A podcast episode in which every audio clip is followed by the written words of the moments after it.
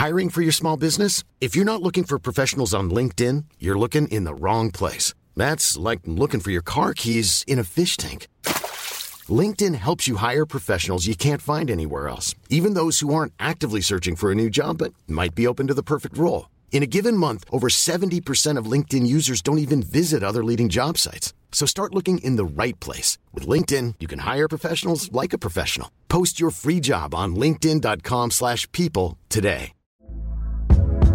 Hey there, it's Michelle Norris. I'm host of a podcast called Your Mama's Kitchen. When I travel, I'm usually looking for a way to find a taste of home when I'm not at home. And one of the things I love to do when I am at home is entertain. And Airbnb allows me to do that. When I was in California recently, I rented a house that had a great kitchen. And when we were sitting around the table, we we're all thinking, we're in someone else's house. Someone could be in all of our homes as well. If you have a home, but you're not always at home, you have an Airbnb. Your home might be worth more than you think. Find out how much at airbnb.com/slash host.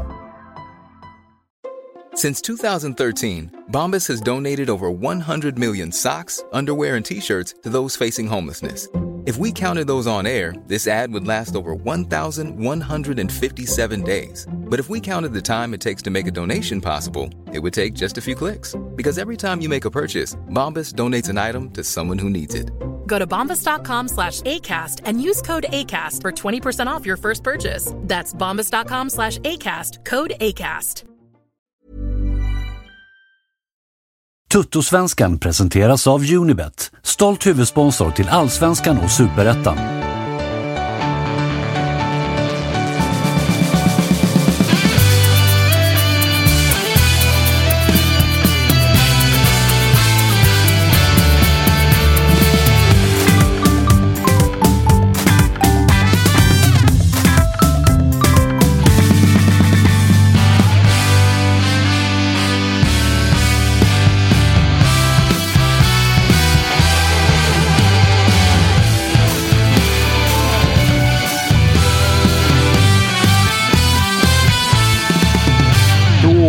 Toto-svenskan tillbaka med ett nytt avsnitt. Det är fredag, solen börjar spricka upp här ute i huvudstaden. Kristoffer Svanmar fortfarande sjuk, en jävla Mm. hosta tydligen, så att jag får hoppa in idag igen.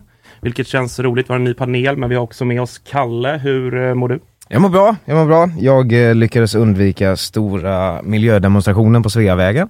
Har jag märkt när jag körde bil hit, så jag är glad att jag slapp, Ja, det eh, gjorde inte slapp jag, fastna i kan den. jag Är det så? Ja, jag åkte visserligen inte bil, men det var ett Nej. jävla liv där ute. Någon form av eh, ja, men miljö, miljögrej. Inga som Mm. limmade fast sig på vägen, men de gick i alla fall.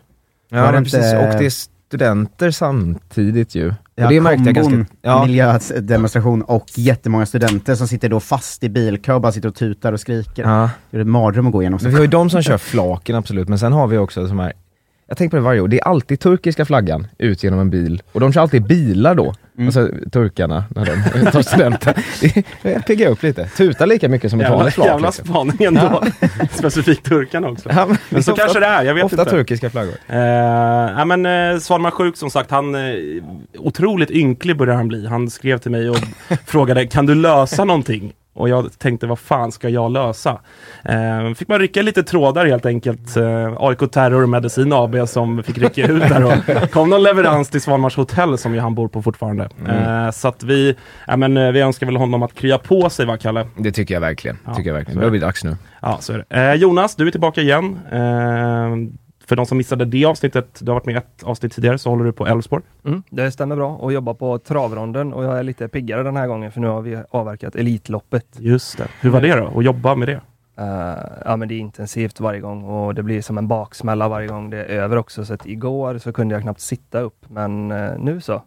Äntligen. Had, hade du också, eh, jag såg att eh, Gusten Dahlin drog in storkovan på vinnarhästen, var väl en fransk eh, kuse va? Hade du också ekonom, ekonomiska intressen i loppet? Det hade jag faktiskt inte. Jag brukar inte ha det när jag jobbar med så stora grejer men ehm, eh, favoriten galopperar ju så att det var så han kom undan Gusten Dahlin. Just det, det var det. Eh, vi har också med oss Tapper som är tillbaka. Du har ju ute och svänger på någon form av eh, stand-up-turné, eller har varit, eller hur, hur fan är det? Jag har varit, nu är jag klar äntligen. Eh, men nu ska jag ner till eh, Oxie utanför Malmö och av någon märklig anledning göra en dokumentär om den lilla byn. Så där, Okej. där är jag nästa vecka. Vem är beställaren? Eh, beställaren är jag och eh, journalisten slash eh, komikern, eller vad han nu ska kallas, Rasmus Hansson, som Okej. på fyllan bestämde oss för att slänga ut en Kickstarter som hette Hansson och Tapper i Oxie, en tv-serie.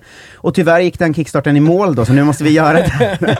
så jag ska fira nationaldag och bada på Oxie Vångsbadet eh, och sånt nästa vecka. Kommer väl på Youtube någon gång i höst. Var det Oxie där det var det här eh, slagsmålet som finns på Youtube fortfarande från 90-talet? De var helt galna. Ja, ett stort klassiskt klipp. Vi har försökt få tag i jeansmackan som tydligen var inblandad i det, men eh, Det här är jag för ung för känner jag. Det här flyger över mitt huvud. Sö sök på eh, slagsmål i Oxie, det kan ni göra. Ja, det borde inte funnits så många stora slagsmål i Oxie känner man Nej, spontant. de har haft väldigt mycket hund och kattmördare i Oxie. jag vet inte vad de håller på med där. Så där ska jag vara en vecka nu. Så är det. Matteo, du är också tillbaka. Ehm, kommer ju från en lite tyngre period för supporterhjärtat. Men bortsett från det, är du en sån som tycker det är lite skönt när det kommer ett litet uppehåll? Eller vill du bara köra på och hatar skiten? Ja men alltså, eh, det, det har ju varit, som jag sa här innan, att liksom olyckor kommer sällan ensamma. Eh, mycket, det var ju väldigt mycket liksom förhoppningar inför den här veckan med cupfinal och allt annat. Och sen kommer det liksom förluster, det kommer uttalanden, det kommer, så, det kommer liksom rykten om att spelare ska försvinna. Det blir liksom helt plötsligt att man allt tas ifrån en på något sätt. Och det är ju också för att man har gått in, jag är en sån här 100% människa liksom, jag går all in i det mesta jag gör. Så att det har varit så jäkla mycket fotboll så att nu känns det som att jag säger Ja men tjena morsan, läget? Eh, och sen svara på ett mess som har legat eh, en vecka gammalt och sådär. Så att det har faktiskt varit ganska skönt att typ chilla lite nu. Eh, men man börjar få lite abstinens. Eh, eller den lär ju komma när som helst, kanske. Mm. Eh, men vi har Nation, väl... eh, Nations League-spelet är inget som stillar den abstinensen. Nej, alltså, Nej. Det, det, alltså det var inte så att jag kollade de där 90 minuterna igår. Eh, även om det var ett väldigt fint mål av eh, Kulusevski och som piggade upp rejält. Eh, så var det ju ganska deppigt, tomma läktare och sådär. Så det, det var väl inte riktigt inramning som det kom på Tele2 i alla fall. Men med mig är det bra. Tillbaka från lite sjukdom också. Så det känns skönt. Skönt. Eh, vi ska inte prata mer om Nations League-spelet. Det var en otroligt sval liksom, match. Och jag, jag, jag jobbade visserligen lite mer än så jag, jag fick ju se matchen, men annars var jag bara arg över att Milosevic kastades in trots bevisligen skada och eh, gick ut och hade svullet knä och sådär. Så där var man ju eh, tokig på Jan Andersson att man eh, kastade in eh, våran Alexander Milosevic. Men nog om det. Vi ska prata om alla era tre lag och det som har hänt i era klubbar, men vi ska också kasta ut lite nomineringar. Vårens målvakt, vårens back, vårens spelare och så vidare. och så vidare. Det gör vi mot slutet av programmet, tänker jag. Eh, men Kalle, visst är det så Mm. också att det här är ju liksom våran lilla verksamhet vi jobbar med, men det officiella, allsvenskan och även våran partner Unibet har Ja. ju månadens spelare och tränare och där har maj månads nomineringar kommit. Ja men exakt och så är det ju. Och då kan man ju gå in och rösta på eh, vad man själv tycker helt enkelt och det gör du ju borta på Unibets hemsida. Och eh, spelare då, givetvis Jeremejeff eh, nominerad. Totte Nyman nominerad och Antonsson. Och tränare är det ju eh, Bartos, Högmo och eh, Hellberg Tern som är nominerade till månadens där borta. Tankar kring det här? Jag tycker jag bryr mig mest om månadens spelare, Totte Nyman. In Ja, och rösta för såklart. helvete. Något ska vi väl fan få den här våren. Ja, men det har ju faktiskt lossnat för Totte efter en, precis som för hela Norrköping, otroligt tuff start. Så han hade ju också, eh, gjorde inga mål och brände även en hel del. Men det har ju lossnat faktiskt ordentligt för honom. Gjorde ju två senast. Mm. Gjorde två med uh, mersmak också, vi kanske pratar mer om den matchen sen, men han känns ju som att han, eh, han börjar bli den gamla, gamla glödheta Totte, eh, igen kanske. Eh, och jag tycker att eh, en vacker tröst, eh, nu, vad händer? Nej, ingenting. Jag försöker be August bara sjunka ner lite så att hans huvud kommer i bilden. Eh, men en vacker tröst till vår, eh, vår eh, under halvan placering hade väl varit att få en ganska välförtjänt månadens spelare på honom i alla fall. Ja, jag vet inte. Jag tycker att det är svårt att argumentera emot Alexander Jeremejeff här. Alltså, Ja, även men om Totte... Ja, det, det är ju tråkigt för att han har varit bäst Ja. varenda jävla match. Men Ja. är man bäst är man bäst, eller vad känner ni? Nej men alltså, det var månadens spelare? Ja, eller? maj månad. Maj månads spelare. Det, det finns ju en röd tråd ser jag i nomineringarna. Mm. Och det här är tre lag som är väldigt beroende av den här spelaren. Alltså, vi har ju eh, Nyman, Jeremejeff och eh, Antonsson. Och det, det blir ju, nu har de presterat och gör de inte det eh, så är det också de som får skiten. Någonstans.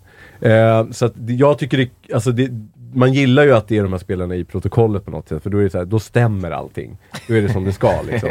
Eh, så att, så att det kanske också är lite lättare att de också får liksom all form av cred för det här. Eh, på något sätt. Nu har de ju, Jeremejeff är outstanding, men det är de här som ska göra målen och tittar vi kanske på toppklubbarna, eh, jag vet inte riktigt, det finns säkert spelare som kanske varit bättre i spelet. Eh, och som kanske kan förtjäna mer Mm. eh, och så vidare. Men de här, de här syns på ett annat sätt när det går bra. Eh, I och med att allt går via dem. Liksom. Eh, men ja, jag tycker väl det är liksom alltid, man, jag tycker Antonsson, jag kollade ju mot eh, alltså Värnamo Bayern eh, och alltså Värnamo på pappret är ett sämre lag än Norrköping och Häcken eh, och att han har kunnat stå på fem nu är sjukt starkt. Eh, och han, var, han skapade jäkligt mycket oro för Hammarby liksom, på egen hand. Så att eh, svår, jag tycker det är ett jättebra namn och alla förtjänar att vara där liksom. Det är inget snack. Störst risk att Totte går sönder snart och inte får chansen att vinna det igen dock. Så att in och rösta var budskapet liksom. Men med tränarsidan då, Bartos, eh, AIK har ju stått för en, en stark månad, men även, det är lite samma där, Högmo är ju också svårt att argumentera emot. Jag menar Häcken toppar serien med en match mindre än både AIK, Djurgården och Malmö. Eh, alltså, det var ingen som trodde det heller, så att det, egentligen går det ju inte att, in, att säga något annat än Per Mattias Högmo, eller? Nej, det känns ju så. Sen, det är ju samma känsla som alltid med Häcken. När, när kommer det här rasa ihop igen? Och jag bara sitter och väntar. Men det, det finns ju någonting obehagligt om vi pratar om Jeremejeff här, hur han startade allting. Han startade med att göra hattrick och sen kände vi igen honom när han då gick och bommade tre raka matcher med nollor. Men nu har han ju den här ett mål, ett mål, ett mål, ett mål, två mål. Lite som Häcken har fått eh, samma stabilitet precis som Jeremejeff själv. Och det är lite obehagligt för de vill vi gärna att de ska rasa ihop här. Ja, nej, men och, och sen är det ju det, här med tränare, ja, där är ju en diskussion det här när man ska utse årets eller säsongens tränare eller lag eller vad, vad det nu kan vara. Att vissa är ju av åsikten att de som vinner automatiskt mer eller mindre ska ha priset. Medan vissa hävdar ju att man kan ge en underdog som har överpresterat priset. M- Men även om man kommer åtta kan man så, så att säga vara med i diskussionerna och där är ju lite Värnamo med Hellberg och Tern som nu är nominerade som slår Bayern, som slår Helsingborg borta och sen något kryss innan det tror jag i maj. Eh, vad tänker ni kring det? Jag är ju en sån som tycker att det är klart att de ska kunna få ett pris bara för, liksom, även fast de ligger ja, 11 eller vad de nu är. Ja men verkligen, alltså att med de medlen Värnamo har, att de ändå har ett så pass bra grundspel och en så pass, alltså tar de poängen mot de lagen du säger. Det är som vi satt och pratade om det redan efter två, tre omgångar, att så här, man ser ju redan att Värnamo, de kommer klara sig. Mm. Alltså de ser så pass bra ut och det är väl, det är ju tränarens förtjänst. Och om de lyckas till slut komma åtta med Värnamo, då är ju det bättre än att komma två eller trea med eh, AIK eller Djurgården eller Bayern såklart. Så att det är klart de ska kunna vara med i en diskussion. Liksom. Det tycker jag ja, men, verkligen. ja, men det är som liksom Malmös tränare varje år. När de vinner, är det så här, okej, är Magnus Persson säsongens tränare? Mm. Vissa är så här, nej han är ju sämst, Malmö, ja de hade tur, eller de vann för att de har så överlägset liksom bäst och bredast trupp. Men de vann ändå. Alltså det, det, är en, det, är en, alltså det är en diskussion som delar folk ändå. Absolut, och det är väl lite det där med om vi tittar på toppklubbarna, det beror ju på lite, alltså det hade ju varit skönt att ha en algoritm att gå på. Ja, budget, eh, spelare, Mm. erfarenhet, allt vad det där. Det handlar ju om att så här, en bra tränare gör det bästa av sitt material. Liksom. Eh, och det verkar ju eh, Tern och gänget och de göra. Eh, men sen behöver man ju titta på också, om vi, om vi ska titta på AIK, Hammarby, Djurgården och Malmö och så vidare i toppen. Det är ju hur man vinner. Alltså så här, är det sjukt många hållna nollor? Eh, är det klara segrar? Är det liksom den biten? Ja men då är det bättre. Mm. För att det finns också en annorlunda, det finns en press på de här lagen att prestera. Mm. Sen skulle jag säga, och det här, nu kanske jag sticker ut hakan här, men i den enskilda spelaren så kan det ibland inte skilja så jävla mycket. Liksom mellan en, liksom, helt ärligt, Antonsson, Ludvigsson, jag vet inte. Hur stor skillnad är det på dem egentligen Mm. i allsvenska mått mätt när de väl spelar, springer 60 meter båda två eller vad det kan vara. Alltså, så att, eh, ja, ja, det är en jättesvår grej men det är klart att de ska hyllas och då brukar man väl hyllas med ett fetare kontrakt någonstans, Mm. kanske. Eh, att man kan göra det med de små medlen. Men jag såg också, nu så här, jag avskyr expected goals och sånt när det handlar om en match. Eh, men över 10 kan man ändå se mönster och jag tror att Värnamo i expected, eh, vad man nu, goal difference eller points eller whatever, att de var liksom 5-6 i Allsvenskan nu över de 10 första matcherna och det är extremt bra för att vara Värnamo. låter högt, Liksom. Ja, men de var mycket högre än man det trodde de sant? skulle vara. Eh, och det är väl så här, det är väl Hellberg och Tern som ska creddas då? Liksom. Ja, det är det väl. Alltså, så här, nu, nu är inte jag den som följer Superettan mest slaviskt, även om jag ser, såg en del i fjol, men det var inte många i den där truppen man hade koll på och kände att det här är liksom bra allsvenska spelare. Det är ju, eh, ja men som du är inne på Tapper, de kommer ju inte ens vara nära att åka ur tror jag. Nej, Alltså det finns ju heller. fler lag, utöver botten tre, liksom, de känns ju redan ganska givna tyvärr för liksom bottenstriden så. Men jag tycker att det finns andra lag. Varberg ser ju mycket sämre ut än Värnamo till exempel. Ja. Ehm, så att, ehm, nej, jätteimponerande. Vi får väl se, men in och rösta där på, på Unibets eh, hemsida var det va, Kalle? Exakt så. Mm. Precis. Eh, Får man säga också om Antonsson, att fan vad väntat det här är att Kim Hellberg får igång honom. Alltså, när Kim Hellberg var den offensiva tränaren i IFK Norrköping innan han blev eh, trä- huvudtränare i Värnamo nu, alltså han har väl sex skytteliga-vinnare på liksom åtta år eller någonting innan. Och det är inte oväntat att det är han som får Antonsson att växla upp direkt igen. Det är ju någonting han har med anfallare och få dem att prestera, alltså eh, Adegbenro, Nyman och så vidare. Mm. Eh, så eh, Kim Hellberg har jag extrem respekt för, alltså, måste jag säga. Och även Tern som är där och rycker i varenda tråd. Ett litet eh, ett, ett tapp för Norrköping får man väl säga. Ja, stort tapp. Vad liksom, vad, hur, hur kom det sig att man tappar honom till en klubb som Värnamo? Att han vill vara huvudtränare. Ehm, och sen tror jag Hans eh, signaler är väl också att han en dag vill vara huvudtränare i, i IFK Norrköping, för han har ju vuxit upp i klubben. Hans pappa Stefan Hellberg är gammal tränare och har varit i princip allt i klubben, så Kim har ju liksom vuxit upp på idrottsparken. Och då tror jag att han är tillräckligt smart för att veta att om man ska bli tränare i ett lag som IFK Norrköping ska man ha annan huvudtränarerfarenhet först. Mm. Så eh, jag tror att det var givet för honom att gå när han får chansen eh, och jag tror att det var givet för IFK att släppa honom och låta honom flyga fritt liksom.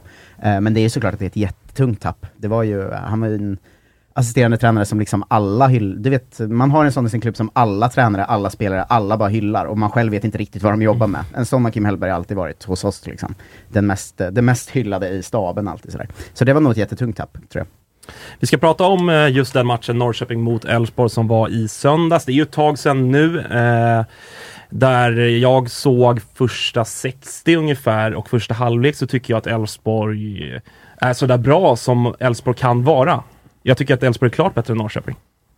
Bättre är de i alla fall. Det, så, så långt eh, är jag med och kanske klart bättre till och med. Men det var inte så att jag satt och var superimponerad ändå.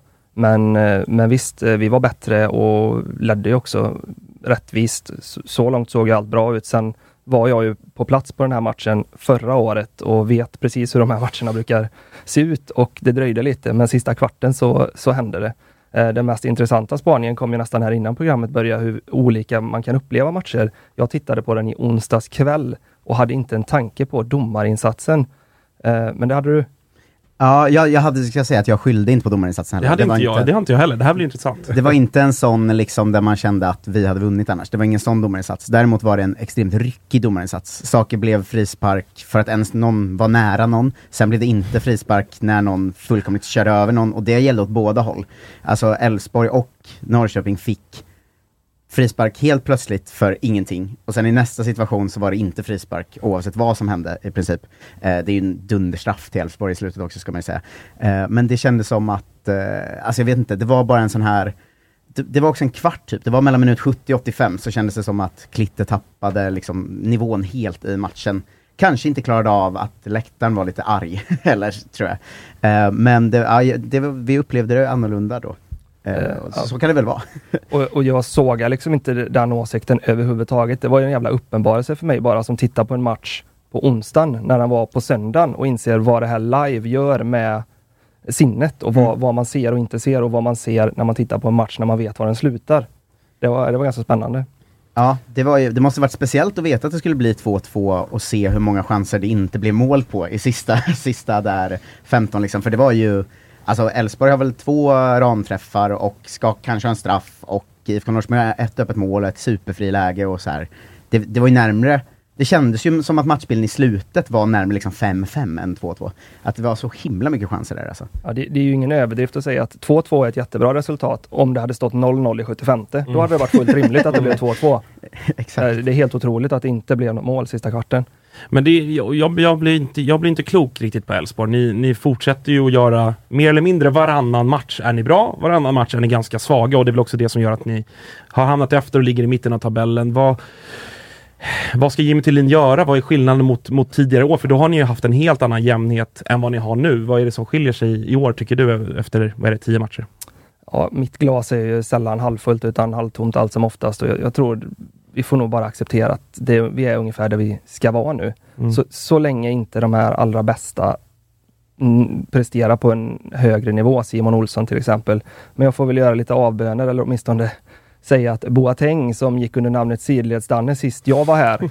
Han slog en passning framåt. Simon Olsson skarva och Alm löpte i djupled. Han har hockeyassen på, på 1-0 Ja. målet, eller nej 2-0 målet. Ja, en ganska tydlig och det syns egentligen. Efter att jag gick härifrån så mötte vi Blåvitt. Det var ju hans bästa match i Elfsborgströjan. Sen har han varit bra även senast då också. Så att, eh, det är ganska tydligt att han har fått instruktioner att han måste ta den rollen, kliva fram, trycka på, driva på spelet lite mer än vad han gör. Eh, sen håller jag fortfarande inte honom jättehögt som spelare, men det ser betydligt bättre ut nu och det syns att han försöker.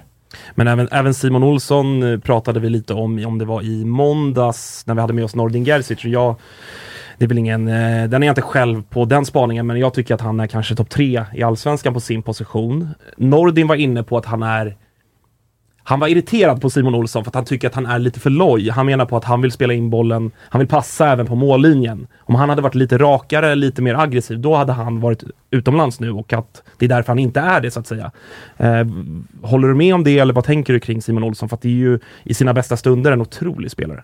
Ja, helt fantastisk. Och sen är han allra mest fantastisk med boll och det har han väl inte tillräckligt mycket. Det är väl, det är väl en av sakerna. Sen håller jag givetvis med om att han kan vara lite för krånglig och ta för få avslut. Men jag tror inte hela nyckeln är att han borde skjuta mer så, så kommer allt släppa. Utan han måste in i matchen.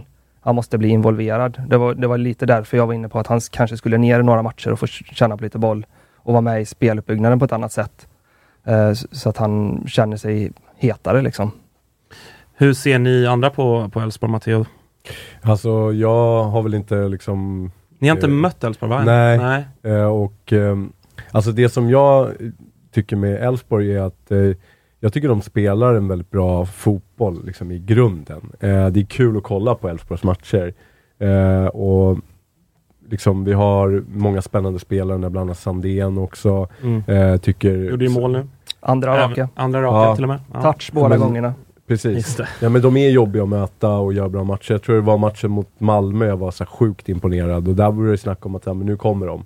Liksom, och nu kommer de att utmana underifrån också. Mm. Eh, men det är väl, han har väl fått lite kritik där, tränaren Thelin, liksom, att det liksom inte riktigt går för honom. Han får inte liksom ut det. Ja, jag vet inte hur kritiska röster det har varit. Eller, ja, han har ju fått ut ganska mycket tycker jag ändå av de spelarna vi har haft. Och, och det är klart, nu, nu sitter man och, och pratar, vi var inne på detta förra gången med, att vi är ändå sjua och det är inga mil upp ändå. Nej, alltså, ha- s- Men det kanske är vinner lite... ni hängmatchen på, på Djurgården och Malmö, som ju har en match mer, då är ni på samma poäng som dem. Mm. Så att jag menar, det, det finns ju alla möjligheter. Jag tror att Elfsborg kommer sluta topp fyra när vi summerar säsongen, för jag tycker att ni har ett så pass bra lag. Ja, men jag läste någonting om att det liksom hade i alla fall varit ganska mycket ruljans på startpositionerna. Mm. Alltså det är väl den grejen att så här, de inte har den där liksom elvan som rullar ett par matcher i rad. För jag tror på det stenhårt. Alltså de lagen som håller sig till en och samma elva, vi kan ju ta AIK som exempel, eh, Häcken och så vidare, de som liksom kontinuerligt maler på, de hittar ju också ett bättre grundspel. Eh, så det tycker jag är intressant. Sen tycker jag också Simon Olsen, jag tycker hela hans aura är liksom skriker toppklubb. Liksom. Mm. Att, att så här, nu, jag skulle ju liksom gärna se honom kanske i ett ännu bättre lag. Eh, för att se om han kan få en ännu bättre, liksom, det här lite jävla namma, nytändning och liksom gå lite mer rakt. För att då har han större krav och mer konkurrens också. Eh, så det kanske är konkurrenssituationen på de bästa spelarna också som, som också är en utmaning. Liksom. Ja, nej, men han borde ju, borde ju vara en spelare som redan nu i sommar är intressant för andra klubbar. Han har ju haft en del skador. Han fick väl någon allvarlig skada, var det för, förra året kanske? Eller när kan det ha varit? Jag vill minnas att han var borta länge. Han var borta länge och sen gjorde han comeback och blev skadad igen. Så var vilket det kanske. eh, jag kommer ihåg att jag hörde av mig till lite journalistkollegor och sa att nu kan ni kolla lite närmare på det där. Var de möjligen lite för tidiga på det med honom? Eh, Men för att summera Elfsborg och säsongen och, och vad som talar emot den här topp 4-placeringen. Det är samma sak som förra året egentligen. Vi har en halv backlinje rent försvarsmässigt. Och Johan Larsson i all ära, men någon försvarsspelare har han aldrig varit. Det, och kommer aldrig att bli, inte av rang i alla fall. Men tycker han mitt, att mittbackarna är för svaga också? För Väisänen är ju annars en spelare som får väldigt mycket cred. Och det ska han ha, för utan Väisänen då hade vi kunnat vara bra mycket längre ner i Så tabellen. det är, det är personen bredvid Jarue Ja, har det väl varit. Jarue- Lagerbielke en del AIK-talang. Fick jag in det också. Eh, men, men han stabbig eller? Ojämn? Ojämn och ja, det är väl vid 1-0 målet när Totte Nyman får ganska Mm. tacksamt bara gå in och nicka in den och mm, Mauro försöker ju ändå eh, ta iväg bollen men missar väl nicken med 40 centimeter eller någonting. Och, Jag Ja. tyckte det kändes eh, allmänt så skakigt. Att det kändes som att det var nära bolltapp och eh, nära att ta sig förbi den backlinjen nästan hela tiden. Liksom. Att det känns som att den sitter inte, inte riktigt. Men jag tycker Elfsborg är intressanta för det känns som ni säger att det, det finns alltså himla bra grund där. Men att det är bara små detaljer i varje lagdel som inte Mm. riktigt sitter. Så att jag tycker varje gång man ser Elfsborg att man känner så här, fan vad bra det här hade kunnat vara. Det är så himla nära att vara så bra, men det är bara små saker som är nästan svåra att sätta fingret på som gör att, att det är för skakigt försvar. Eh, när kontringarna sitter så är de otroliga, liksom. men de sitter just nu lite för sällan kanske, Mm. eh, även om de satt bra mot, mot IFK då.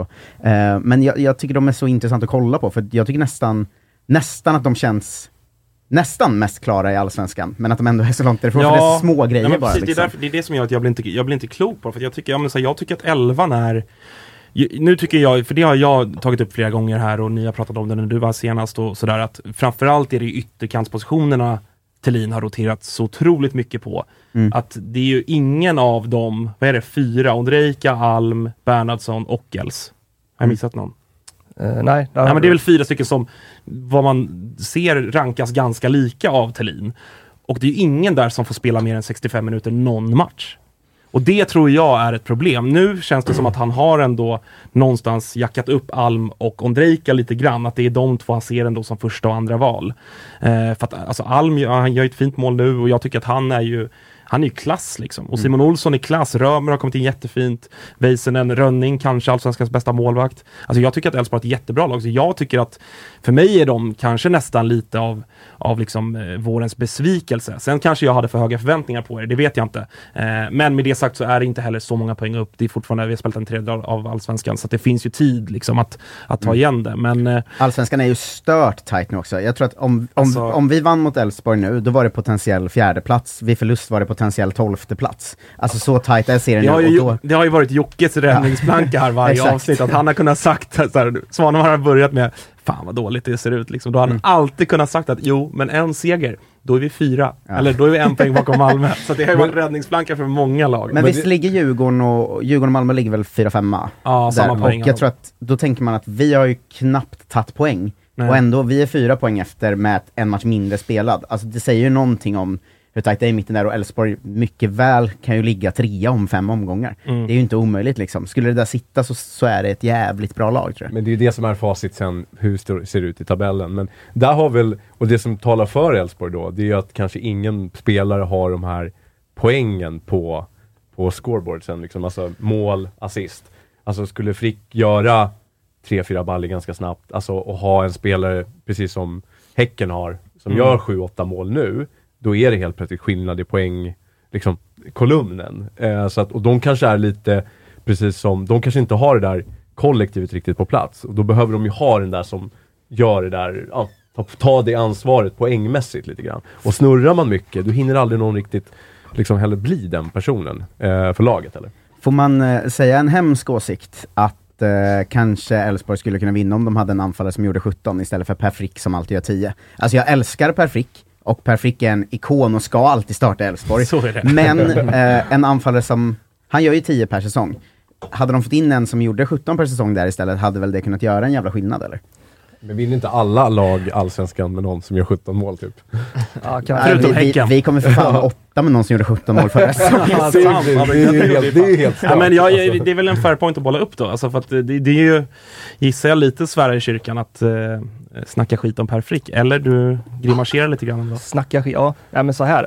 Eh, du älskar Per Frick. Alla älskar Per Frick. Framförallt tror jag att de här yttrarna vi precis har pratat om, till exempel, Mm. älskar Per Frick. Elfsborgs spelmodell älskar Per Frick eh, och den kretsar kring honom. Jag tror att han tycker det är ganska bra och jag tror att Jimmy Tillin tycker det är ganska bra och så som Elfsborg har spelat och presterat de sista två säsongerna så tror jag alla Elfsborgare tycker det är ganska bra också. Eh, Men visst, ett, ett spelsätt där man har en anfallare som alltid får chanser, som alltid tar chanser. Det är väl, det är väl tacksamt, särskilt när det bär emot lite och ha den typen av spelare. Jag lekte med den här tanken. Vi tog in Bernhardsson. Han hade ju succé i Superettan tillsammans med en Bayern-spelare, eh, Ludvigsson. Och så lekte jag med tanken, tänk om vi hade fått båda två. Hur hade det kunnat se ut? Det var faktiskt ganska kittlande, det ska jag ändå medge. Ja, nej men och eh, Thelin då, för att han är ju en tränare som jag, jag drev ju, sen han kom till Elfsborg så drev ju jag, eller har egentligen alltid liksom mer och mindre högfrekvent drivit tesen om att han, han är en bluff. Eh, och fick ju rätt första året, sen har det ju varit tyngre liksom. Har ju, man har ju liksom fått, eh, fått stå där och det har blåst som fan. Men vad, vad tänker du kring det då? För det är ju annars en sån grej som han har ju någonstans ändå utvecklat Elfsborg eh, och tagit er till en plats ni liksom inte var på när han kom och, och hela den här biten. Men uppenbarligen kanske det fattas det där sista steget. Känner du att det är ändå Thelin som ska vara med och ta det sista steget eller känner du någonstans att det kan, för det är ju ändå en vanlig företeelse i Europa och i fotbollen att man sådär känner att nu har vi nått så långt vi kan nå utan att för den saken skulle att du har gjort ett dåligt jobb men vi behöver en ny röst, en ny tränare för att ta det där lilla, lilla extra. Ja, inte ens i närheten just nu. Eh, han, eh, vi pratade om det sist, hur, hur vi utifrån inte fattade vad spelarna menar när de trodde på Thelin, när det såg så fruktansvärt Ja, det var dåligt ut. när vi otroligt hur dåligt det såg ut. Eh, och så många saker jag har sagt och skrivit och så många saker andra har sagt och skrivit. Jag, jag ska skämmas i några år till och jag ska tro på Jimmy Thelin i några år till och framförallt värvningarna han gör, spelarna han släpper fram. Jag köper allt. Så att för min del eh, sitter han lika säkert nu som för ett år sedan. Om vi kollar på truppen då, vi har nämnt några spelare så eh, i och med att det stundar ett sommarfönster, vi ska ju prata mer om det i de här lagspecifika avsnitten som kommer nu under uppehållet. Men eh, känner du någon oro där att eh, ni är annars en klubb som är väldigt välskött och ekonomin är god och så, men spontant känns det som att det finns ett par namn som borde kunna vara intressanta. Vi har pratat om Simon Olsson, Tim Rönning är en sån spelare, Sandén nu som ändå har fått sitt genombrott i år på vänsterbackspositionen. Vad tänker du kring det? Tror du att Elfsborg kommer släppa någonting eller vågar man liksom hålla kvar de spelare man har? Jag tror att det är ganska lugnt nu. Vi pratade, det var ju något turkiskt rykte som eh, mina gamla kollegor i Borås inte valde att skriva om överhuvudtaget för att de bedömde inte det som jätteaktuellt då att, eh, att Ondrejka skulle försvinna. Eh, känslan är ju att det finns goda chanser att få behålla hela truppen som, som den är. Om det inte är någon sån här ja, men Simon Olsson säger att nu, nu fan får det vara bra. Ni får släppa mig och min agent börjar jobba aktivt och så jag vill ha lite pengar och vill byta liga. Och, visst, men det, det är väl inga sådana, det är nästan ni utifrån som följer Elfsborg. Det är väl inga som man bara kastar pengar över nu. Förmodligen. Nej, kanske inte. Ondrejka har ju fortfarande inte, Han har inte- gjort så mycket i Nej, Allsvenskan. han, är, inte. han är fan, vad är han, 19 liksom? Han har ju snackats upp väldigt Ja. mycket men han har ju faktiskt inte levererat. Han, han var ju bra i kuppen och 38% tog in honom i sitt, sina fantasylag och det var ett jävla snack om Ondrejka men liten besvikelse ändå om man nu kan vara det på en 19-åring som har liksom den tunna erfarenheten som han har. Ja, kanske. Jag, jag tror jag vill ge han säsongen Absolut, ut. Absolut, men- Men, men eh, han, har ju, han har ju varit en besvikelse på det sättet. Du, men det är jävla schysst att säga till en 19-åring att du ska ha ditt stora genombrott i år. Det var ju nästan kollektivt så att alla Ja, men sa verkligen. det. Ja men alltså- sa inte alla till och med att du ska bli Jeppe Karlsson nu? Varsågod. För det var det jag Ja, hörde, att det är typ så. den nya Jeppe som kommer gå för 30 i sommar liksom. Och det är en jävla press att ha på Ja men och sig det gjordes Discovery-reportage, de var hemma hos honom och han fick koka kaffe med eh, Dilchen eller vem det nu var. Så att det, var- alltså det var ju Ja, men- verkligen, det var en liten men, masspsykos vad, kring vad, det. har han gjort, vad har han gjort innan det reportaget? Han har varit pigg i Svenska Cupen, gjort några fina inhopp i Allsvenskan och nu, nu ska han ut och ta över världen. Ja, Men Det- det, de där reportagen är också väldigt bra att falla tillbaka på om han blir stor. Så han Så kände ju är att det ju. shit, är jag en, liksom, är det här Zlatan-varianten nu på mig? Eh, vet du det? Eh, Blå dåre eller vad den hette. Eh, men alltså jag såg, jag var ju på Svenska Cup-semin, eh, Bayern-Elfsborg. Och då kommer jag ihåg, eh, jag, jag har, sitter nere i liksom, kurvan precis ganska nära liksom, långsidan, nära plan. Och han kom ju stormandes där. Alltså, Kommer, var, var det då han kunde ha gjort mål precis, precis i början av ja, matchen? ja, men alltså du vet, jag var så här shit, här liksom, nu har vi någonting, det här är någonting stort. Alltså han var, han latchade där på kanten och bara kom som en virvelvind. Och jag var en av de här 38 procenten som dunkar in han i fantasy också. Och liksom, och bara kände mig lurad. eh, så att, eh, nej men jag kände, där, vi sa det också mina polare, vi bara håll koll på Ondrejka i år, han kommer bli riktigt jävla bra liksom. Så att jag kan verkligen bekräfta. Ni, ni och 10 000 andra får Tele2. Ja exakt, men, men här, jag kan verkligen verkligen säga det som vanlig människa där ute att så här, det är, alltså så här, ja, jag, jag tror att han eh, kom, det, kommer, det kommer smälla någon gång liksom. Det, kä Absolut. det känns som att det här fenomenet, nu när sociala medier och sånt har kommit, att, att vi vid sidan ska förutspå saker hela tiden. Det blir liksom fullständigt kaos nu. Så han var, ju, han var ju nästa försäljning innan säsongen hade börjat. Ja. Och alla var med på tåget. Det, må, det måste ju vara skitjobbigt. Men det är den här jävla pengapåse-supporterskapet som finns i hela Sverige nu. Att så här, kolla han, han är säkert bra, han är 30 miljoner. Ja, alltså att det är så man ser pengar. på sina spelare nu. Ja. Det är ju vem som än kommer fram, när Ishak Ab- Abdulrazak kommer fram eh, i IFK Norrköping så är det direkt så här. Eh, Inte han kan vi ta guld med, utan det är så här, fan, han kan bli rekordförsäljning. Och det kändes som att Ondrejka blev hela Sveriges gemensamma liksom, Mm. pengapåse bara. Att det var det enda man hörde var hur dyrt han skulle gå. Liksom. Ja, och det är ju deppigt, men det är väl eh, också lite grann en verklighet vi lever i, där vi är i fotbollshierarkin så. Men eh, om du liksom ska få bara sätta något form av känsla, betyg på Elfsborg för år, är det, det är knappt god, det är godkänt, G minus, eller vad, vad känner du? Två, två, två och en halv på en femgradig kanske. Mm. Det är väl där någonstans. Helt okej. Ja. Eh, Norrköping då? Min känsla är lite samma sak där, att jag inte blir riktigt klok på er. Jag, eh, på något sätt håller jag en liten tumme för Norrköping för att ni har Rickard Norling som huvudtränare och det är ju en person jag dör för och tar kulor för, Rickard Norling. Det gör alla som har träffat Rickard Norling. Ja, alltså otrolig person alltså. Eh, nej men vad, den här matchen då, det är lite samma där. Ni, tuff start, men ni Mm. hämtar ju er och så har det varit i tidigare matcher ni har spelat att en halvlek har varit bra, men en har varit väldigt dålig. Mm, jag tyckte det var, det var ju verkligen, eh, det blev ju en sån himla skitstart på matchen alltså. För första tio minuterna pressar ju verkligen Norrköping på, går ju ut med en sån uppenbar, det här är vår hemmaplan, vi ska visa att senaste matchen mot Bayern var en plump och ingen trend. Och första tio är ju ett extremt tryck mot Elfsborg. Och sen kommer ju det här, eh, det som ändå är ett slumpmål, det första, ett skott på Sanders, Aid ja. som Mm. liksom eh, går in och, och där tappas ju allt momentum egentligen och jag tycker knappt det händer någonting i matchen, men det som händer är Elfsborg liksom. Jag tycker inte heller att Elfsborg spelar ut Norrköping första halvlek, utan jag tycker bara att det är en, det är en dålig match därefter och det enda som, det enda, de enda som har tendenser i första halvlek sen är ju Elfsborg. Fram till kanske minut 35-40 där IFK börjar pressa på igen och får en 2-1. Och det är ju också väldigt nära att det kommer en 2-2, det sista som händer innan, innan halvtid där. Och sen tycker jag att andra halvlek är en annan match. Och eh, sen känslan fram till egentligen 85 tycker jag. Från, från 60 kanske till 85 är att det här det kommer komma en 3-2. Det är ett sånt tryck, Totte har öppet mål, eh, Sema kommer fri, Lukas Lima kommer in och sliter sig fri. Och man känner att nu, när som helst måste det bli mål nu. Men symptomatiskt nog så blir det inte det och det är ju faktiskt närmare att Elfsborg vinner eftersom de i minut 87 eller vad det nu är ska ha en straff Mm. i, i slutet.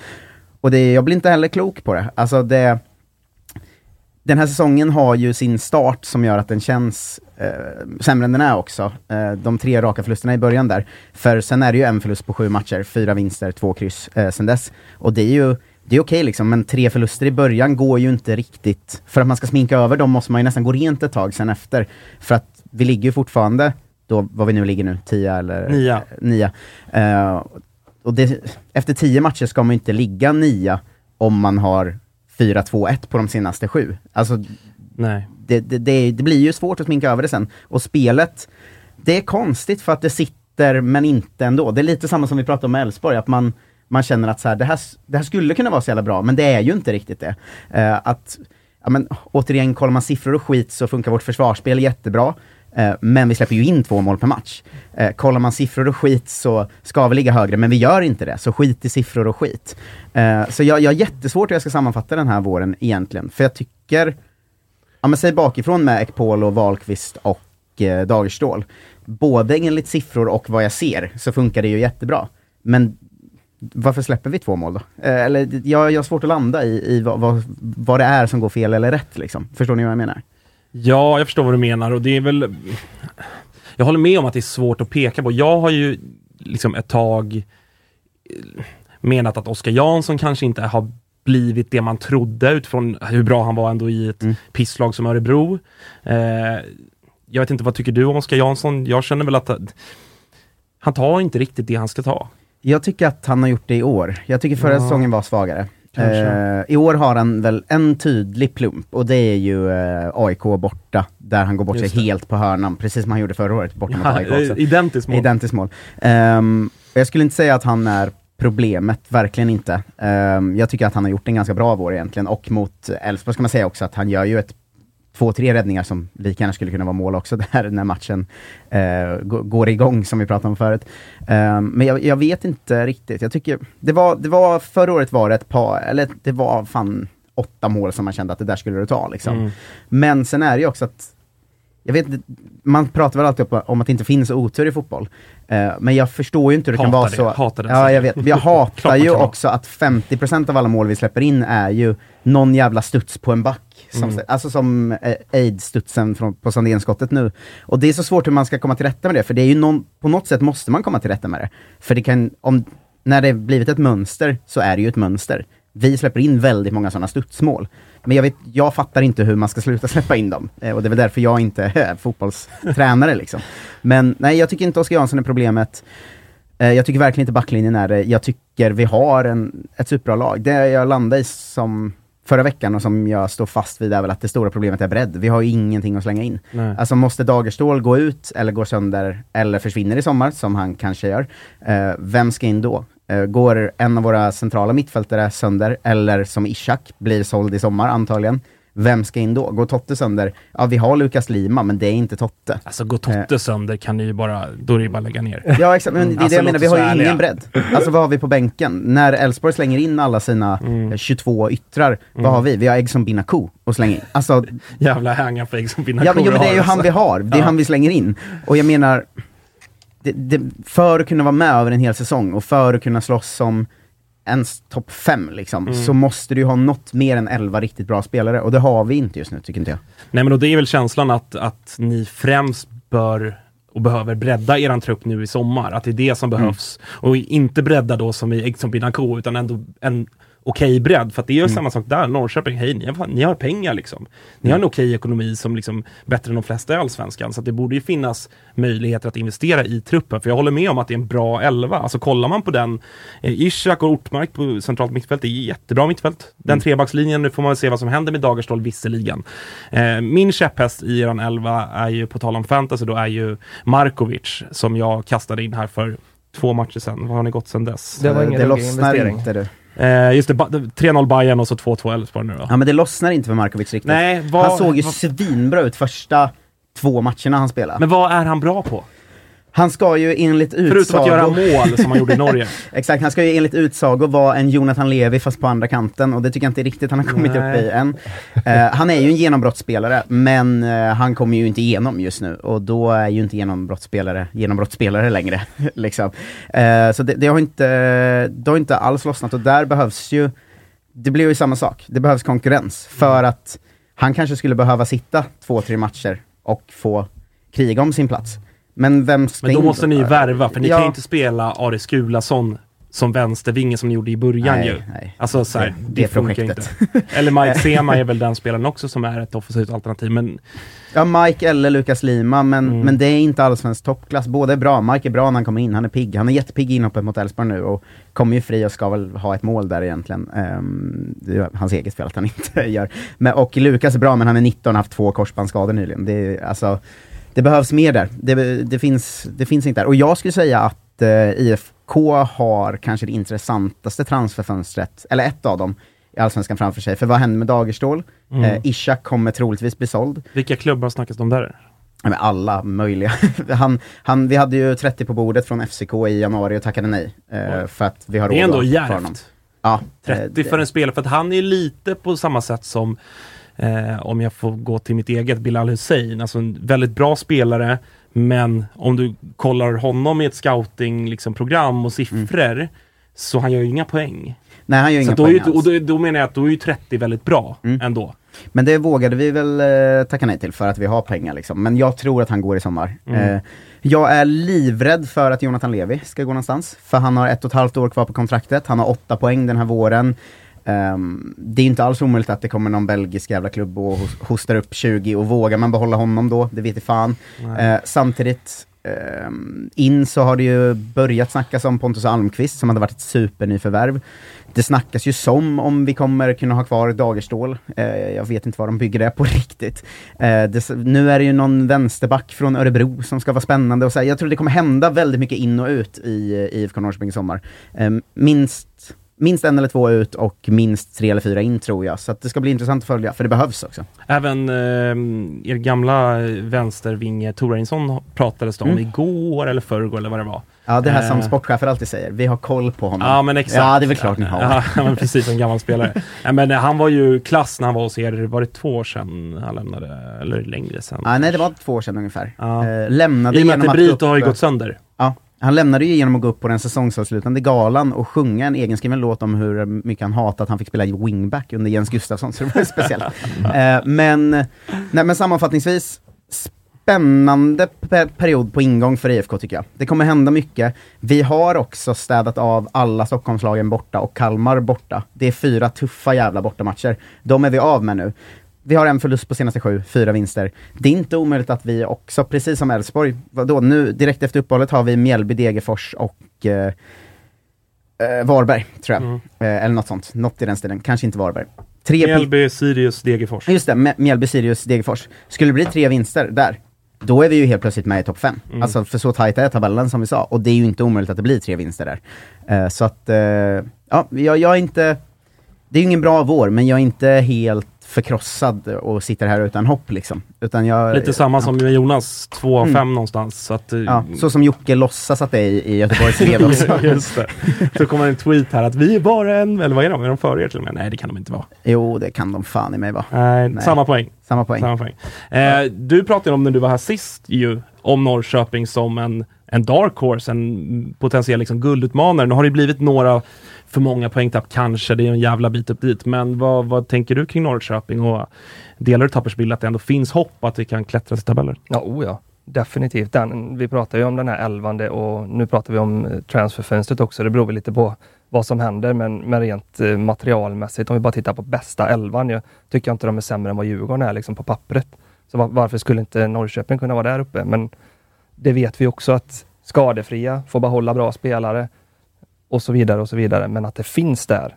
Eh, Jag vet inte om spelsystemet, vad det är eller om det är Norling, någonting är det eh, som inte får det att lira. Men en sån som Ortmark är fantastiskt att bara sitta och titta på honom en hel match. Liksom.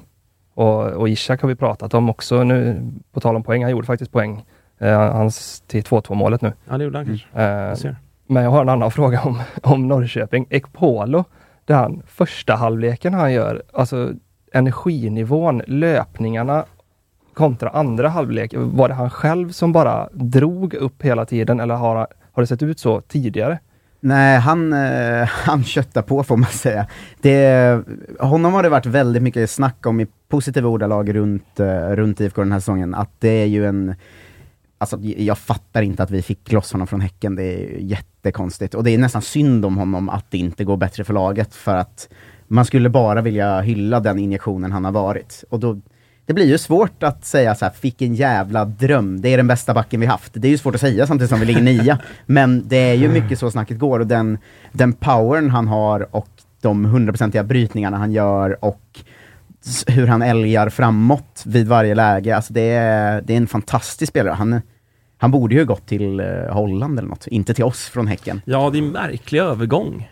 Ja, den är konstig. Alltså så här, med all respekt för er också, Mm. men att det inte är, man kan ju, ha- hade ju kunnat fatta om så här, Malmö vill ha honom. Mm. Han går dit. Alltså det, den kan man ju köpa, möjligen kanske någon av Stockholmsklubbarna också, för att det finns också någon form av social liksom, så grej att få bo i Stockholm, alltså så. Men att gå till Norrköping som väl ändå någonstans, får man säga, värderar samma som Häcken ungefär och Mm. ekonomin liknande, alltså så. Det är en konstig övergång. Ja, det är ju inte heller att vi kan Man undrar komma... vad ni lockade med liksom. Det måste ju vara någon, eh, någon slags norlingsk övertalning som Ja, ligger där, antar jag. Men, eh, för det är ju som du säger också, det är ju inte att vi kan komma med en pengapåse som inte Häcken kan. Nej, Alltså nej. de är ju de är en hyfsat rik klubb liksom. Eh, så att, ja, det är konstigt att han är hos oss faktiskt. Men han är, han är otrolig, måste jag säga. Eh, också märks ha blivit favorit hos, eh, hos de flesta liksom direkt. Men det, han, är ju, han är ju väldigt bra bara. Om, om du hade fått välja, hade du gärna sett Simon Thern i Norrköping? Absolut inte. Nej, det är för, bra svar. Totosvenskan är sponsrade av Weird och vad i hela fridens namn är då det? Jo, det ska jag tala om för dig. Det är Sveriges snabbast växande underklädesvarumärke. Ett gäng helt jävla galna idioter fick för sig att eh, börja göra underkläder av bambu. Vadå bambu? Är inte det bara skärbrädor och biff med bambuskott på lokala boken? Nej du. Bambu, det är framtidens material och det är lyxigt, det är mjukt och det känns så jävla premium att du bara kommer vilja kasta ut kalsong och strumplådan på trottoaren och istället bara fylla upp hela lägenheten med strumpor, kalsonger, underställ och allt annat som finns i Weirds kollektion. Och låt mig bara vara väldigt, väldigt tydlig gällande stavningen här. Det är då W-E-A-R-D, alltså W-E-A-R-D.com ni går in på när ni lägger er beställning och gör det för att ja, men någonting som du använder varje dag, det kan du inte hålla på och liksom kompensera med kvalitet och tumma på. Utan alltså, köp inte mönstrade kallingar i bomull som sitter som skit, utan kika in på Weird och levla upp din underklädesgarderob. Man man får då otroligt mjuka underkläder i kanonkvalitet. Och som om inte det vore nog så har de ju fått en sån jävla snilleblixt borta på Weird också. Man har tagit bort lappen i kalsongerna.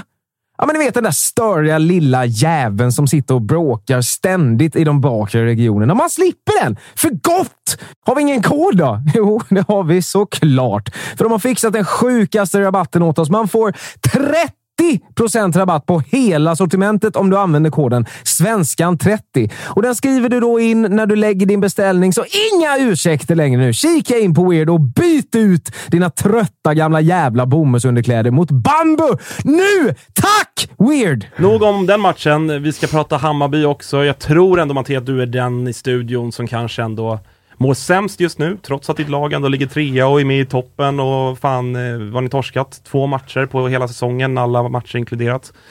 Eh, hur surt känns det med tanke på starten? Att ni ändå någonstans går på lite semester med någon form av lite negativ känsla i, i, i klubben? Ja, men, men alltså jag, jag har försökt eh, inför idag liksom eh, inte, alltså zooma ut från den här sista veckan och faktiskt se helheten här någonstans. Eh, för vi, vi, ska utvärdera våren eh, och alla har ju utvärderat Bayern senaste veckan med, med byte av födelsedag till, eh, mm, till att såga alla medlemmar, till att vilja ha VAR, eh, till att tapp, förlora guldet, förlora Europaplats och förmodligen förlora Williot Svedberg, kanske Jihas.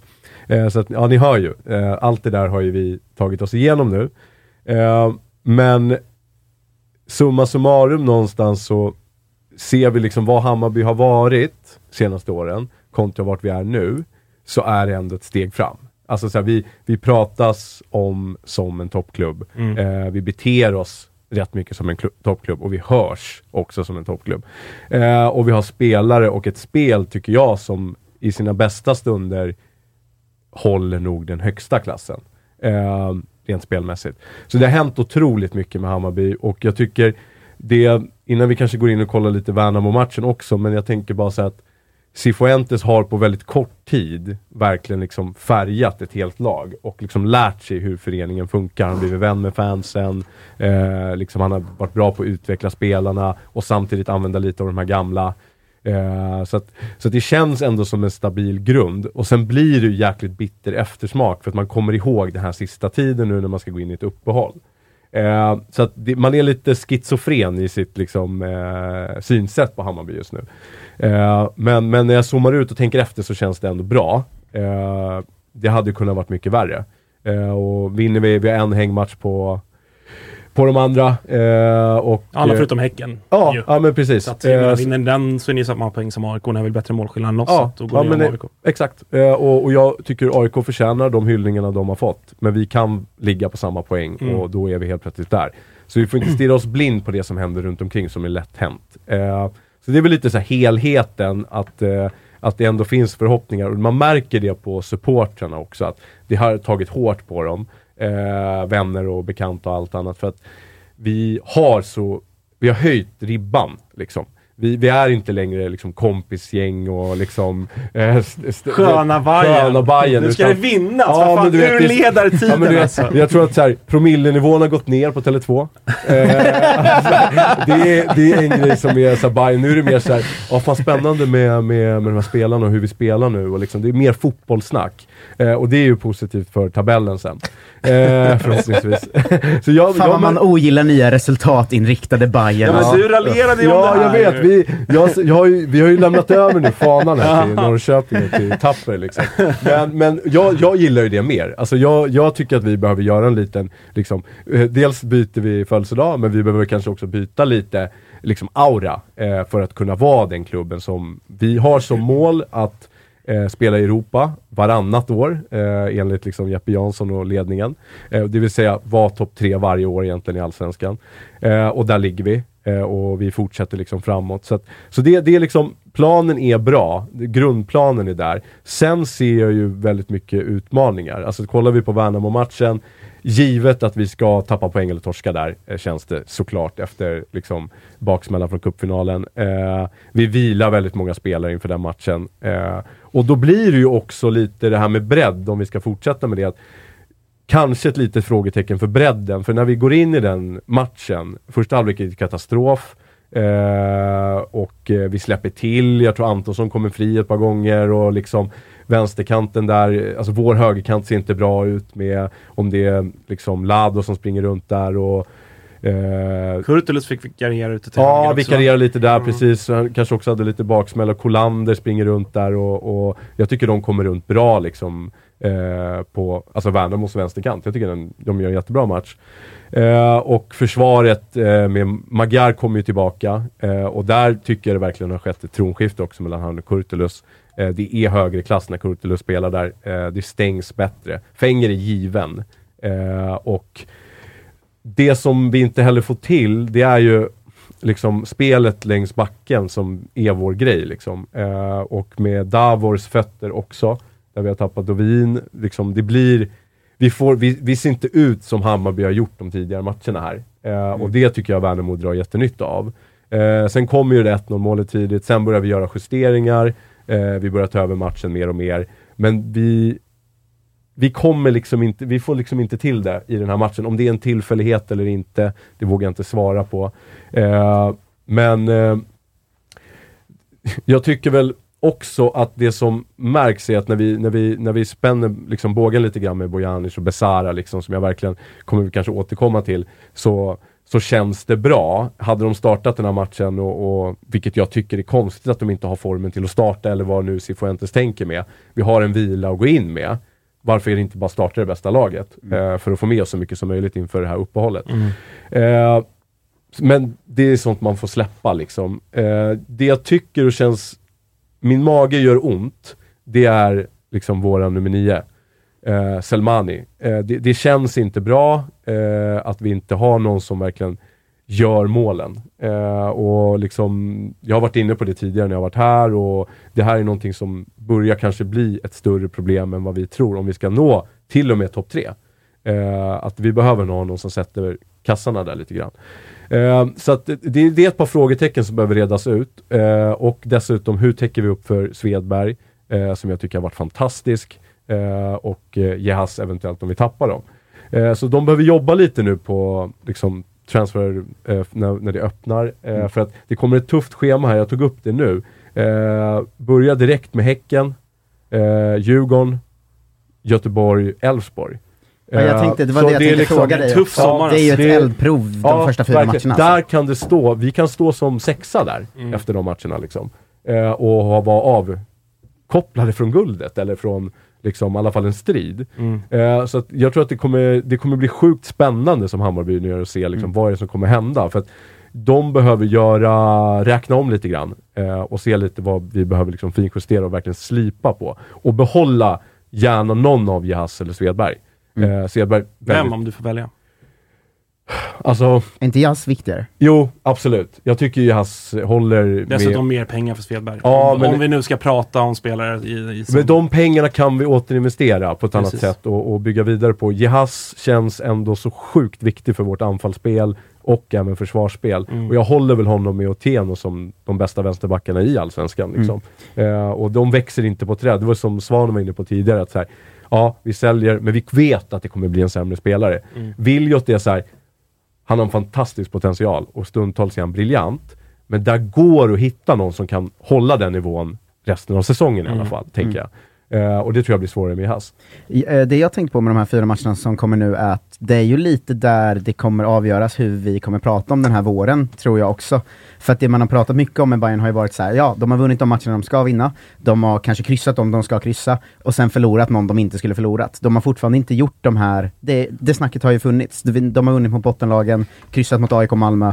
Um, och nu kommer ju fyra matcher då där, om det går dåligt de fyra, då kommer man ju prata om den här säsongen som, just det, Bayern vann bara mot pisslagen i början. Mm, Men exakt. däremot går de in och vinner mot, vinner tre och kryssar en, eller gör det bra i de här fyra matcherna, då går det inte att säga det längre. Då måste man ju säga att ja, Bayern är på riktigt nu. Eh, så för mig tänker jag att den perioden är typ den viktigaste någon har, någon allsvensk klubb har nu, med tanke på hur man ska prata om den efter den perioden. Fattar ni hur jag tänker? Ja, jag delar den bilden. Eh, men eh, en annan stor snackis då som är ju såklart då det här årsmötesbeslutet om Hammarbys nybildning eller vad man nu ska kalla det, nya årtal där liksom Hammarby grundas. Vi satt ju här och var lite elaka i onsdags och fick lite mothugg från Bajare med all rätt. Eh, vad tänker du kring, så här. Vi, vi liksom utomstående, vi liksom rivaliserande supportrar, vi gör ju oss lustiga över det här, såklart. Vilket så här, det är ju inget konstigt, tänker jag. Eh, jag vill bara förtydliga också att jag, när jag pratar om det här i onsdag så menar inte jag att Bayern har drivit igenom det här, eller Hammarby supportrar har drivit igenom det här enkom för att bli äldst i Stockholm. Men, och det, jag tror att det var Svanmar som skrev det på Twitter. Jag har ju också svårt att se att det här skulle drivas igenom om man hittar några gamla roddhandlingar som tyder på att, vänta nu, det var 1914 vi var bildade.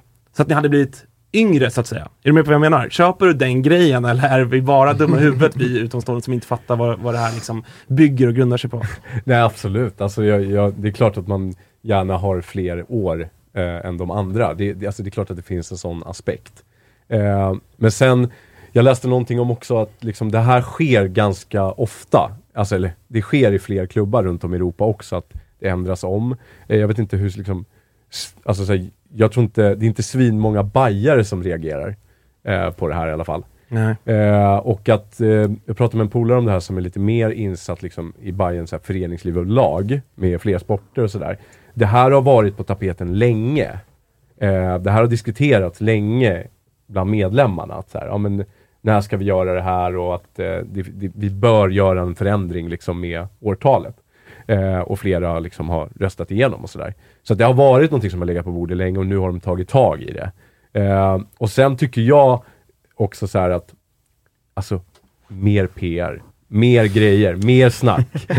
nu drar vi bara igång Ja, det men här. för det är ju liksom. många Bajare som har dragit på att all publicitet är bra publicitet. Ja, men här- Jävla Bajen berör och hela den Zlatan, Vi har liksom. slängt in Zlatan och vi, har, vi, liksom, vi, vi, vi tar allt vi kan nu liksom, så vidare. Ja, men, och så då får man ju också köpa att vi andra garvar lite åt er och tycker att ni är liksom en jävla cirk alltså, det är cirkus Bajen Ja, liksom. Alltså, ja, mm. Det får man ändå köpa då som Ja, Bajare också. Absolut, absolut. Men jag tror att det, det, det är lite cirkus kanske som är samtiden nu. Alltså så här, vi behöver lite mer, eh, det behöver hända lite grejer och det behöver liksom synas och höras mer. Eh, och, och Hammarby gör, tycker jag, om jag bara ser det objektivt på det, för jag har jobbat med marknadsföring och, liksom, och, och, och säljer en del också, det är att Hammarby gör mycket smarta grejer just nu. Eh, syns och hörs i media och, och liksom håller verkligen på att växla upp. Eh, så att om man ska se det positiva ur det då, så är det så här, garva på. Liksom. Det är det så här, så- vi, alla har garvat i alla år. så det är, så här, ja, Det är ingen kom- skillnad. Det är ingen skillnad. Liksom, det är så här, fan. Men när Jesper Eh, Jansson gick ut och uh, hatade på föreningsdemokratin, satt du hemma då och var så. Det är media! det var ett PR-trick bara. Eh, nej men eh, okej, eh, vill, vi- vill ni flika in någonting om hela Cirkus Bajen eller ska vi släppa den pucken och låta Hammarby köra sin grej? Ja, de får köra sig, men det fattar väl alla att vilket lag som än gör en grej kommer ju alla vi andra supportrar håna. Så är det alltså ju. varje gång AIK gör något dumt kommer jag håna det det och varje gång Bayern gör något dumt kommer jag håna det och det är så det funkar. Så jag var ju mer i chock över att det kändes som att Bajarna var så chockade över att resten av Sverige hånade det här. Ja, men det, var väl exakt, det, det, jätteväntat. det, är det, det är det jag reagerar på. Att så här, men det fattar ni väl? Alltså, så här, och sen vill ju vi såklart, vi lyssnar väl bara med ena örat, stänger väl av när det kommer en resonlig bajare som är så här, men här finns ju, det finns ju befog och det finns ju liksom, finns ju fakta för att det här är rimligt att vi gör det. Det är klart att man som AIK då, då lyssnar man ju bara med liksom halva örat och sen så tar man bara in att ni har bytt årtal, jävla jippoförening. Mm. Alltså det är ju så rivaliteten funkar. Eh, det, är alla, det, det är alla med på någonstans. Men sen kommer ju den som typ fjärde grej av så här, Exakt, av, det blir ju alltså på det rad, bara så här, varannan dag så är det någonting nytt. Så att det blir så här, vi ligger ju redan här uppe med Ja. liksom, i rampljuset hela liksom, Hammarby, så att det blir lite lätt att, att sugas in i det här tror jag också. Men exakt. Mm. Eh, men Williot Svedberg, om vi stannar till lite där. Han har väl varit i Spanien nu, eh, är väl mer eller mindre bekräftat. Mm. Snackas också om Klubb Brygge. Eh, om du, får- för jag minns när AIK sålde Alexander Isak och jag tror att ni kan hålla med om det här att man, man engagerar sig mer i en försäljning när det är någon av ens egna. Alltså någon av liksom stadens söner och fostrade i klubben och allt det här. Då bryr man sig faktiskt om den spelarens karriär. Säljer man en utländsk spelare till Saudi, då kanske man skiter lite i, ja, ja vi fick pengarna, that's it. Alltså lite så. Vad känner du kring Williots framtid och hur, hur han bör tänka och vilk, vart hoppas du att han hamnar efter Bayern? Ja men så här, det finns två delar i det här. Det är klart att intresset för Hammarby spelmässigt och att ha en spelare som Williot Sveberg där, skittråkigt. Det är klart att man skulle vilja spela med honom.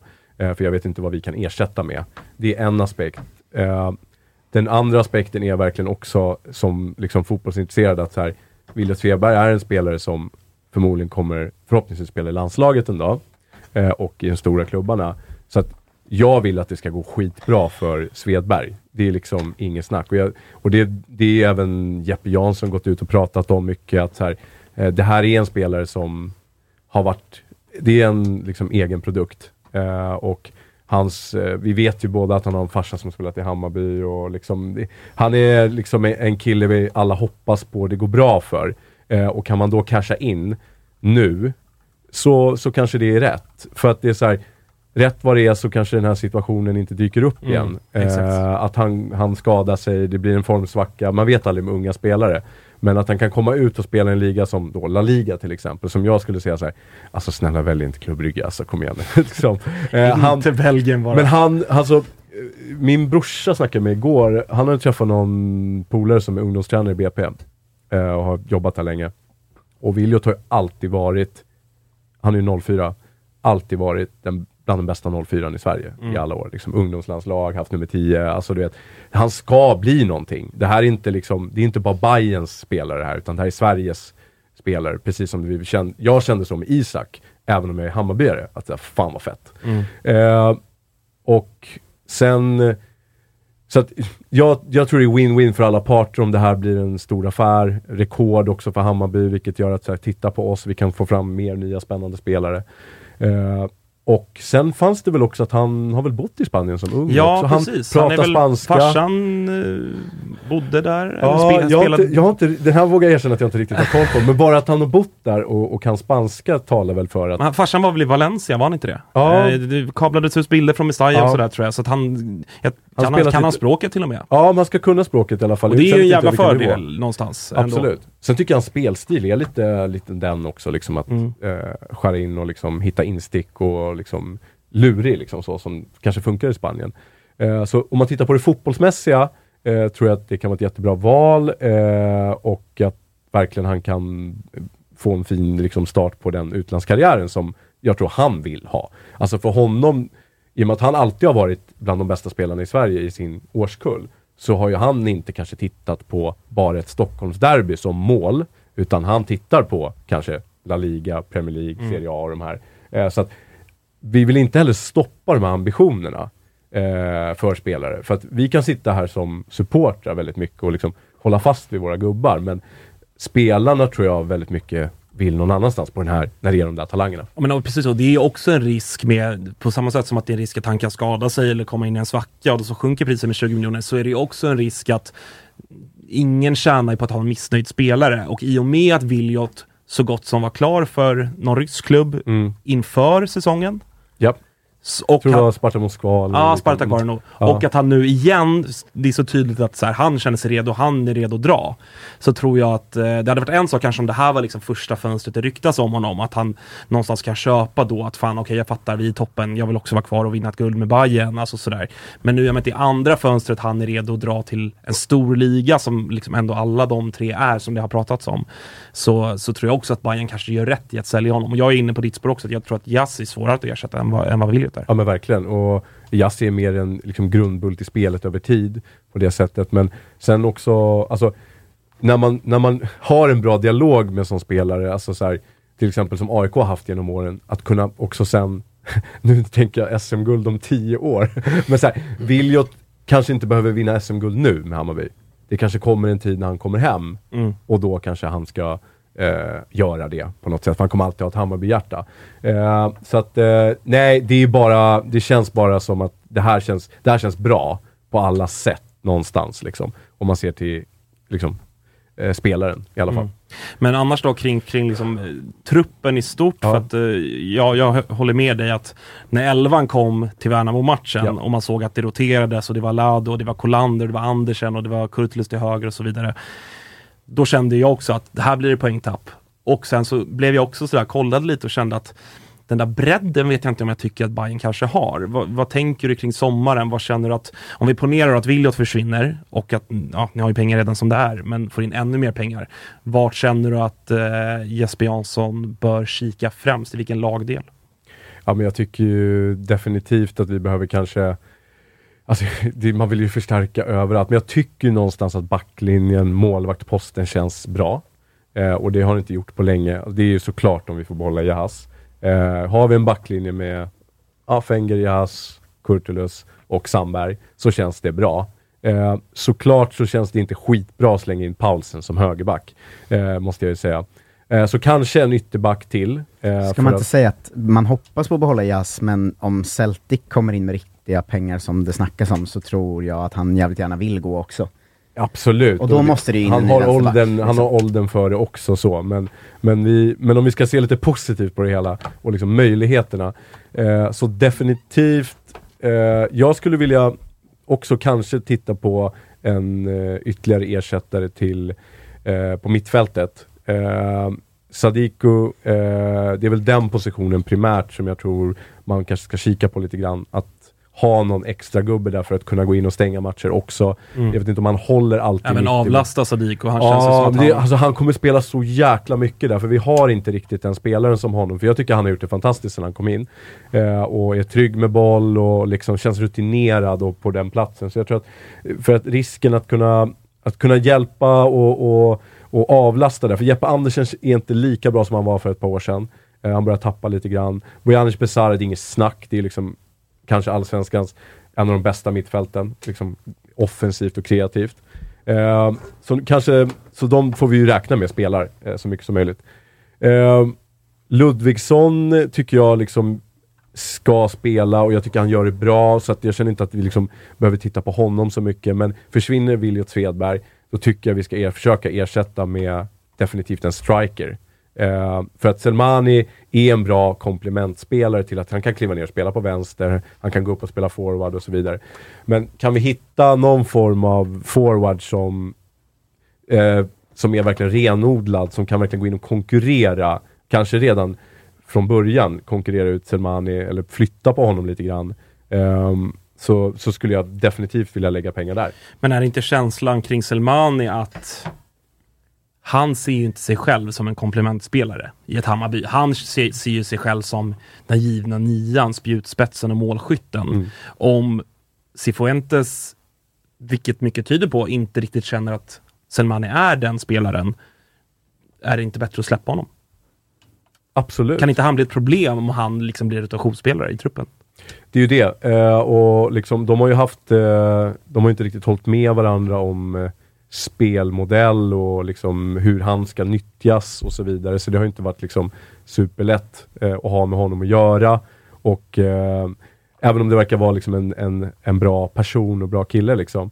Eh, men han kommer in med liksom samma svansföring som han hade i Varberg utan att prestera. Mm. Så att det, det är liksom en ond spiral för honom. Han kommer liksom inte in till att bli den där personen liksom, eller den där nian och den där ledaren liksom på poängen också.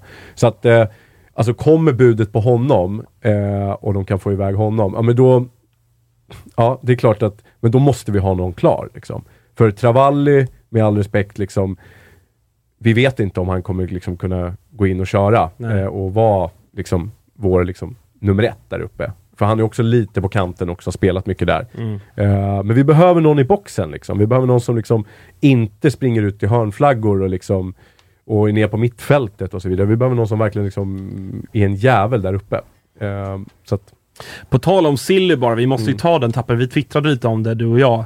Douglas Bergqvist, som ju har väl varit på lån, tror jag, i Kalmar. Tillbaka, han gick ju från Kalmar till en eh, ukrainsk klubb. Eh, Odessa. Odessa var det ju. Djurgårds, eh, Djurgårdsbyn Odessa. Eh, men väljer nu alltså att inte förlänga lånet med Kalmar och ska ju såklart inte spela i Ukraina och går till FC Riga.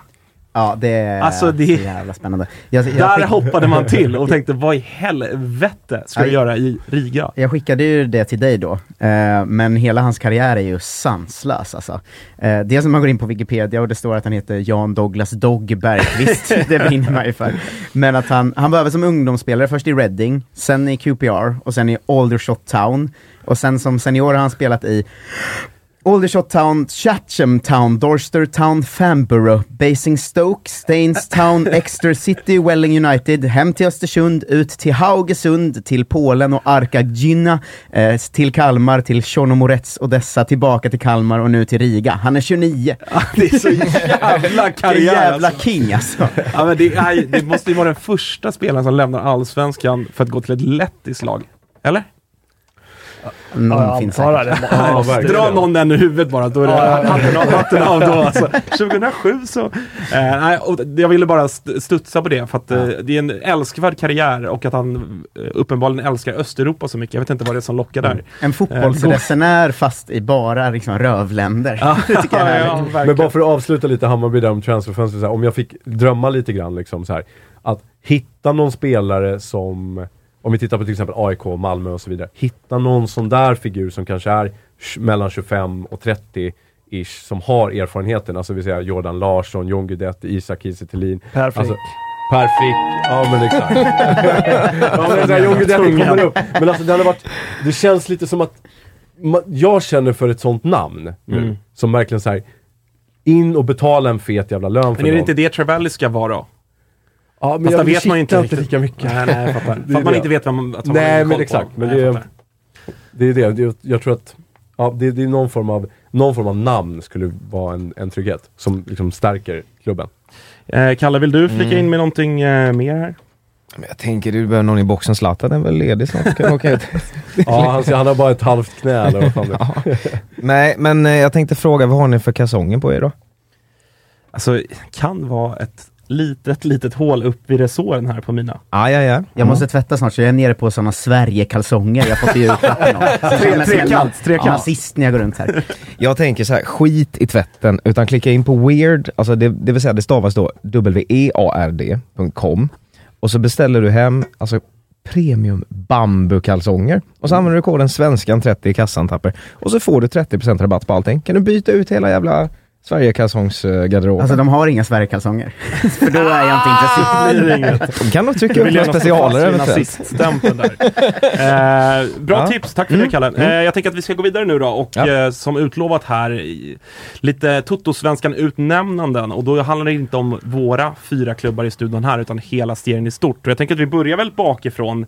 Eh, vem känner ni är vårens målvakt i Allsvenskan Jonas? Eh, ja, kemiläraren är vårens målvakt i Allsvenskan för mig. Eh, och eh, det är då Värnamos målvakt vars efternamn jag inte riktigt vågar dra här. Så att det, om, om, Vaitsiakovic, kan det vara så? Något sånt. Nej, nej. Något sånt. Ja, det var, det var svårt när jag kollade. Ja. Eh, faktiskt. Men han har ju varit svinbra. Vi vet vem, han med långa namnet. Ja, det- han har ju varit otrolig faktiskt. helt otrolig och eh, njutbar att titta på. Vi har pratat om Tern och vi har pratat om Antonsson och allt som har funkat. Han har verkligen funkat utifrån det jag har sett och det är typiskt en sån målvakt som du älskar att ha i laget. Han överjobbar ingenting. Han står fan med rätt hela tiden och det ser så lugnt ut. Ja, jag, jag är superimponerad. Jag förstår att det är möjligt att det finns både två, tre och fyra målvakter som har en högre högsta nivå, men men det han borde betyda för det laget och det jag har sett i honom, så för mig är det absolut eh, målvakten hittills. Ja men och med tanke på att Värnamo, det som jag imponerats mest av dem hittills, bortsett då från kanske Antonsson, är ju, alltså det är, det är bakåt de har sett bra ut. De har väl knappt släppt in ett mål på hemmaplan i känslan. Eh, och där är han en högst bidragande orsak. Och som journalist så gillar man ju storyn. Han, har, han kom hit för länge, länge sedan och harvat och haft sig i, vad tror han varit i, kan ha varit i division 2 till och med, möjligen. Men eh, fick lyftet, vad, är han, 29 eller något sånt där, fick lyftet förra säsongen i Superettan. Eh, och har under tiden då jobbat som lärare heltid. Nu, nu jobbar han, jag tror han har tre niondeklasser som han har kemilektioner med plus lite timmar i något uppehållsrum. Så han är, Det är fan otroligt alltså. Ja, grymt. Eh, Så att man älskar ju hela resan där och det, Ja. det kan ju vara så nu då när han inte jobbar heltid på skolan längre att han har fått lägga mer tid på fotbollen och att det har gett resultat. Ja, Matteo? Delar du Eh, eller har du någon annan? Nej, men alltså jag tycker det är en jättebra eh, liksom motivering till eh, liksom årets målvakt, och, och, eller årets målvakt, eh, hittills Ja, vårens. det, det sa jag faktiskt inte. Nej, exakt, nej, vi vet ju inte, det kan ju bara gå rakt åt helvete. Bara den storyn gör det ju eh, liksom schysst. Men jag tycker också, eh, jag, jag har väl inte riktigt landat i någon målvakt eh, så, men jag skulle väl också vilja lyfta, jag tycker Kalmars målvakt har varit bra också. Eh, Friedrich. Inledde ju lite skakigt, Friedrich. Ja, men jag tycker ändå att liksom gjort det bra, liksom stängt ner både mot liksom Djurgården och Hammarby och liksom ingett en trygghet till, till det försvaret, för det får man inte glömma heller. Eh, så han vill väl värd att nämna också tycker jag, eh, i en liksom klubb med mycket eh, som, som ska ha det svårare på pappret egentligen. Mm. Eh, så det är väl också ett namn man kan bolla upp då, tycker jag. Jag har ju, eh, tyvärr en jag inte vill välja, men Samuel Brolin tycker jag har varit otrolig Mm. i Mjällby. Snittar väl över fyra räddningar per match, vilket ju är eh, sanslöst mycket skott emot sig och har ändå fyra nollor. Och jag, jag tycker Samuel Brolin har gjort en jättebra säsong. Sen så, eh, jag tycker båda era shouts är rimliga, lika rimliga, och jag tycker inte att det varit en standout målvakt på det sättet i år. Eh, att de andra positionerna kanske är, eh, är lättare att se tydligt. Men jag tycker Samuel Brolin har gjort det svinbra i i Varför vill du inte säga han för? Nej, det är en klubb han tillhör som jag inte gillar. Jaså? Många märkliga hang-ups i Allsvenskan på dig. Nej, jag, jag, jag håller nog med dig ändå. Brolin, eh, kanske lite färgad där, men jag tycker att han också han, han gjorde det bra i fjol, de Mm. matcher där han stod, när han, de växeldrog ju en del där med han som drog till Skottland, Jonsson eller Carl Johan Carl Eriksson. Johan Eriksson heter han till och med. Eh, men jag tycker att det, han har bevisat sig, för att säga en säsong är en säsong, men nu tycker jag att han har visat att han håller faktiskt på den här nivån och man får inte glömma bort att han är född typ 00 eller 01 tror jag. Men jag Eh, tycker man ska fan ta med det. Jag, jag kollade innan, jag tror det var 43 räddningar på 10 matcher mm. och 4 nollor på det. Det är, det är bra statistik i ett lag Mm. som Mjällby, det ska man Ja men inte- precis, de har ju varit jättestabila bakåt Mm. och eh, i ett lag som får ganska mycket både anfall och avslut mot sig. Gjorde ett par riktiga fantomräddningar mot Kalmar här senast bland annat.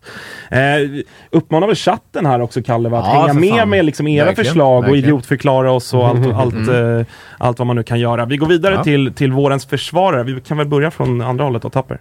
Ja, ja, jag tänkte att eh, jag vill, man vill ha en mittback som vårens försvarare. För det är li, alltså, Känns det renare? Ja, det känns ren. Egentligen är det ju kanske Otieno eller Elias. Mm. Ehm, men med en match som undantag så tycker jag ändå Lars Nielsen ska, ska ha det faktiskt. För jag tycker att, eh, fan vad stabil han har varit och fan vad stabilt det har varit när han och Hadzikadunic har fått spela ihop där. Sen kommer ju perioden med Stockholmsmatcherna och alla skador och allt går åt helvete för Malmö sådär. Men jag tycker Nielsen har ju växlat upp enormt till den här säsongen. Sen som sagt lite svagare nu så det får väl ändå bli Otieno eller Jas då. Men eh, jag tycker Nielsen ska nämnas.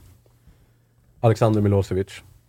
Eh, för att eh, AIK är försvar, liksom. Och det är hans, tycker jag, som har varit bättre än eh, Sotte och liksom varit den här ledaren. Han har gjort avgörande mål. Ja, två mål tror jag. Två mål står han på, Mm. de är väl ganska avgörande också liksom. Mm. Det är väl, eh, och liksom på ett liksom Milosevic-sätt också. Och belönas med en landslagsplats och är väl närmst den elvan då också från Allsvenskan.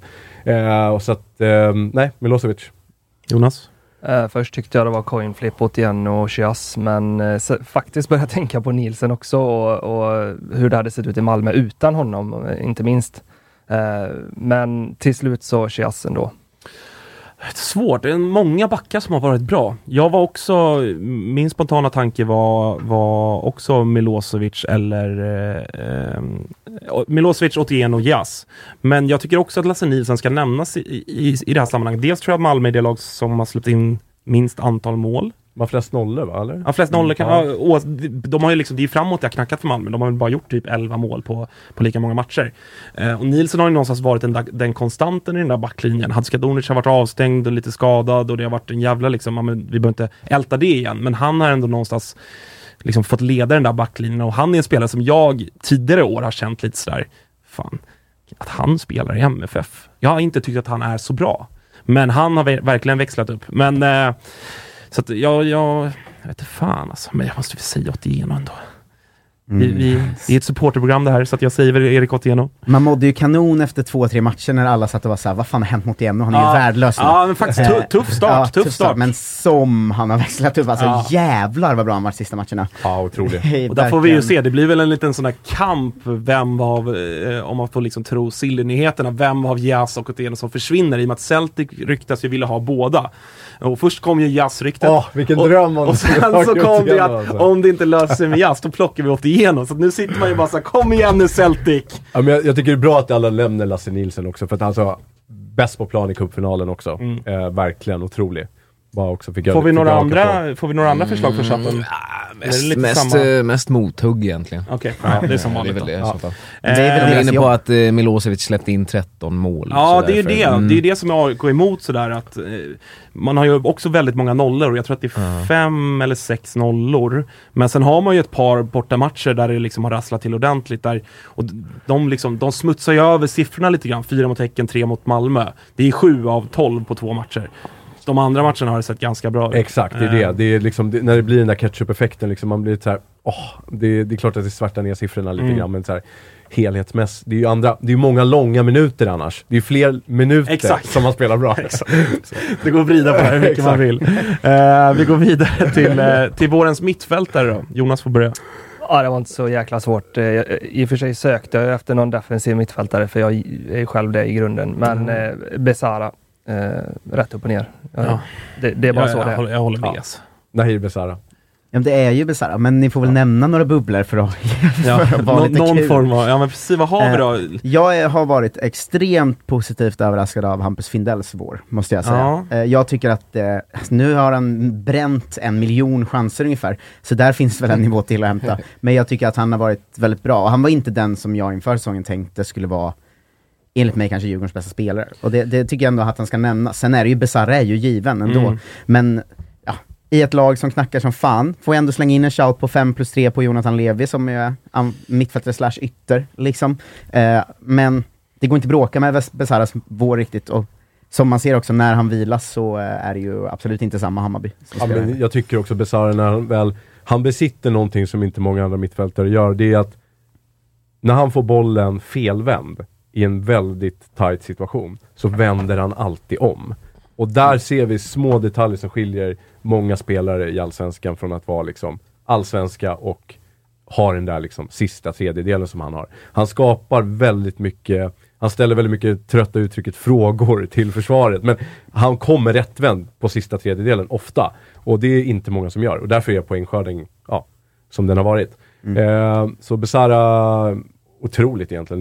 Det, Gerzic sa ju det också här, att han bara, det är ju den bästa jag spelat med. Mm. Eh, så att, ehm, Och det var inte många som trodde det. Kanske, Nej. kanske några av er bajare, jag vet inte. Jag trodde inte alls Nej, att han skulle verkligen få den här inte. utväxlingen igen. ja. Jag är så Eh, ledsen att jag inte sa det i tuttosvenskan, för det använder jag mot alla mina kompisar som är bajare nu, att de gick runt och pratade om låret, vilken bra värvning det var, och jag sa nej, Besarra är the shit alltså. Så att jag hade det Där inför var du tidig alltså. Mm. Eh, Eh, jag, får vill jag vill nämna Bille också. Jag tycker att Ja. AIK är ett helt annat lag med Bilal Hussein på plan, Mm. och man glömmer honom för han gör aldrig några poäng, men de passningarna han slår och den fotbollen han spelar är på extremt hög nivå för Allsvenskan tycker Jag jag. vill också nämna, för där känner jag att vi är lite i samma situation som Bayern med, när man har två så tydliga spelare som är så det här är de vi, liksom, som kan tänkas säljas. Som, ja men ni har Viljot och Jas och vi har Otieno och Bilal Hussein. Men jag har väl ändå lite omvänt där, att jag tror att om Jas har större impact på Bayerns spel så tror jag ändå att oavsett hur jävla bra Otieno är, jag, för jag tycker nog ändå i grunden att Otieno ändå är en bättre spelare, liksom utifrån liksom, sin position och allt sånt. Men jag tycker att Bilal Hussein har en större impact på AIKs spel och det har märkts de matcher han var borta. Han var borta lite i starten, skadad och sådär. Eh, så att Bilal tycker jag ska nämnas. Notera också att vi inte har nämnt någon Häckenspelare, även om det lär komma här i nästa kategori. Nämns i de inte chatten, nämndes. chatten direkt på det med Rygård säger man va? Ja. Rygård, Ry, Ja. både Rygård, alltså egentligen hela det mittfältet, men även, även Gustav Berggren tycker jag, för det är också en sån spelare som jag har liksom känt ganska begränsad, det är en gnuggare, han gör liksom två plus jobbet. Men han tycker jag har växlat upp och även avgjorde väl mot Malmö och liksom lite sådär. Så att han, eh, Rygård då som man hade jättedålig koll på av naturliga skäl. Eh, jättebra allihopa och får de in Simon Gustafsson där också och ska liksom laborera med honom och så då, då blir de bra Häcken. Ja men Rygaard är ju verkligen ett shout som ska göras. Fin jävla fot alltså. Vilken fot han har. Ja. Otroligt. Eh, men jag gissar att här kommer det nämnas mer Häcken då, om vi ska prata vårens anfallare. Här blir det lurigt Tapper, jag är ledsen. Men är det någon som vill bolla upp något annat namn än Alexander Jeremejeff? Fan vad sjukt om ingen hade... Vad sa du? Selmani. Selmani. Just det, Tobias Sana på årets mittfältare vill jag ha med också. Sjukt om ingen hade nämnt Jeremejeff, då hade man ändå fått säga att vi är en biased. Men det går ju inte ens... eh, det, det går att säga att Antonsson har varit bra och så vidare, men det går inte att säga något annat än Jeremejeff här. Vad vad har han? 10 mål på eh, 10 matcher? Mm. Eh, Ja, nio tror jag, han missade Just det, han en missade match. en match. Och första matchen när han gör hattrick är han dessutom magsjuk och går ut och gör hattrick. Alltså den våren han gör, men han, han försvinner ju i sommar. Han är, så här bra är ju ingen anfallare i Allsvenskan någonsin Nej. typ. Eh, så det går inte att säga något annat ju. Nej, det, det, det går det såklart inte att göra. Det så Totte Nyman då, och tuff start, men han har trummat igång ändå. Det är liksom, Ja, men ha- det alltså, är inte, såklart inte i närheten, Nej. men Nej men han och Antonsson eh, kan ju nämnas bland bubblarna liksom. Mm. Men det finns väl ingen kategori där bubblarna är så långt ifrån. Nej. Alltså om vi snackar om att Besarra är given som mittfältare, så är inte det någonting mot vad Jeremejeff är som, Verkligen. som anfallare liksom. verkligen. Eh, det här då, som vi hade lite diskussion om innan, vårens tränare, för det här kan man ju se på Får jag bara olika flika sätt. in på anfallare först? Där Får jag bara lyfta Marcus Berg där, som ändå det är- håller Ja, ett Titanic flytande lite grann. Nej, men den det, måste är väl in här. faktiskt, det är väl faktiskt alltså, samma situation där, att det är väl en av de, alltså så här, när man pratar MVP så Mm. är ju Marcus Berg absolut, alltså utan Marcus Berg hade ju det där Blåvitt legat, Ja, men inga mål. legat på kval. Ja, Alltså ja, helt ja. ärligt. Verkligen. Så, då, så dåliga är de utan Berg. han har ju en stor press på sig också Mm. eh, och gjort det bra. Så det är klart han ska nämnas. Absolut. Eh, men vårens tränare då? Eh, vad känner vi där? Ska Jonas börja? Eh, jag går på, på Värnamo här. Eh, mest för att komma in i Allsvenskan och se så allsvenskt ut med det materialet är fruktansvärt imponerande. Och det finns ju flera olika komponenter på plan också som, som gör det, men, men så som de ser ut. Det, det tycker jag, ja. Ja, men och allting man hör också från både i media i stort och när vi har haft med liksom Kendall här i Toto-svenskan och sådär så är det ju i få spelare som sitter och snackar skit om sina tränare. Det är Tobias Sanna som gör det. Men utöver det så har ju liksom alla unisont verkligen hyllat den här tränarduon som någonting utöver det vanliga. Ja, det sa, sades ju en bra sak här. Man såg ju redan efter någon omgång att det blir allsvenskan även nästa säsong Ja. för det här laget och det, det är ett fruktansvärt bra kvitto att, Mm. att ha fått ihop bitarna så, så tidigt. Det är, det är hatten av. Får man slänga in en Kim, Hell- Kim Hellberg nugget? En till, Eh, kör! Han, när han var 17 år gammal tatuerade han in SM-pokalen eh, utan årtal. Eh, så för det årtalet ska han fylla i först när han vinner SM-guld med IFK Norrköping. Är det sant? Japp, den har han. Så alla ni Värnamo-fans, han är vår, inte Det är er. som eh, ny, nya Axén då med sin AIK-tatuering. Matteo då, ni Ja. har ju en tränare som det snackas väldigt mycket om och Absolut. som väl är där uppe. Ja, nej men alltså jag behöver ju avrunda efter det här eh, och röra mig. Just det. Eh, men, och här kommer jag faktiskt säga att årets tränare eh, är Cifuentes, kommer jag faktiskt säga. För att dels både baka ihop eh, kuppen, allsvenskan, hur det är att ta sig an en klubb som Hammarby, eh, med vad det innebär att liksom förändra så mycket på kort tid. Eh, och få den utväxlingen också på vissa spelare, att höja dem från den nivån de hade till någonting ännu bättre.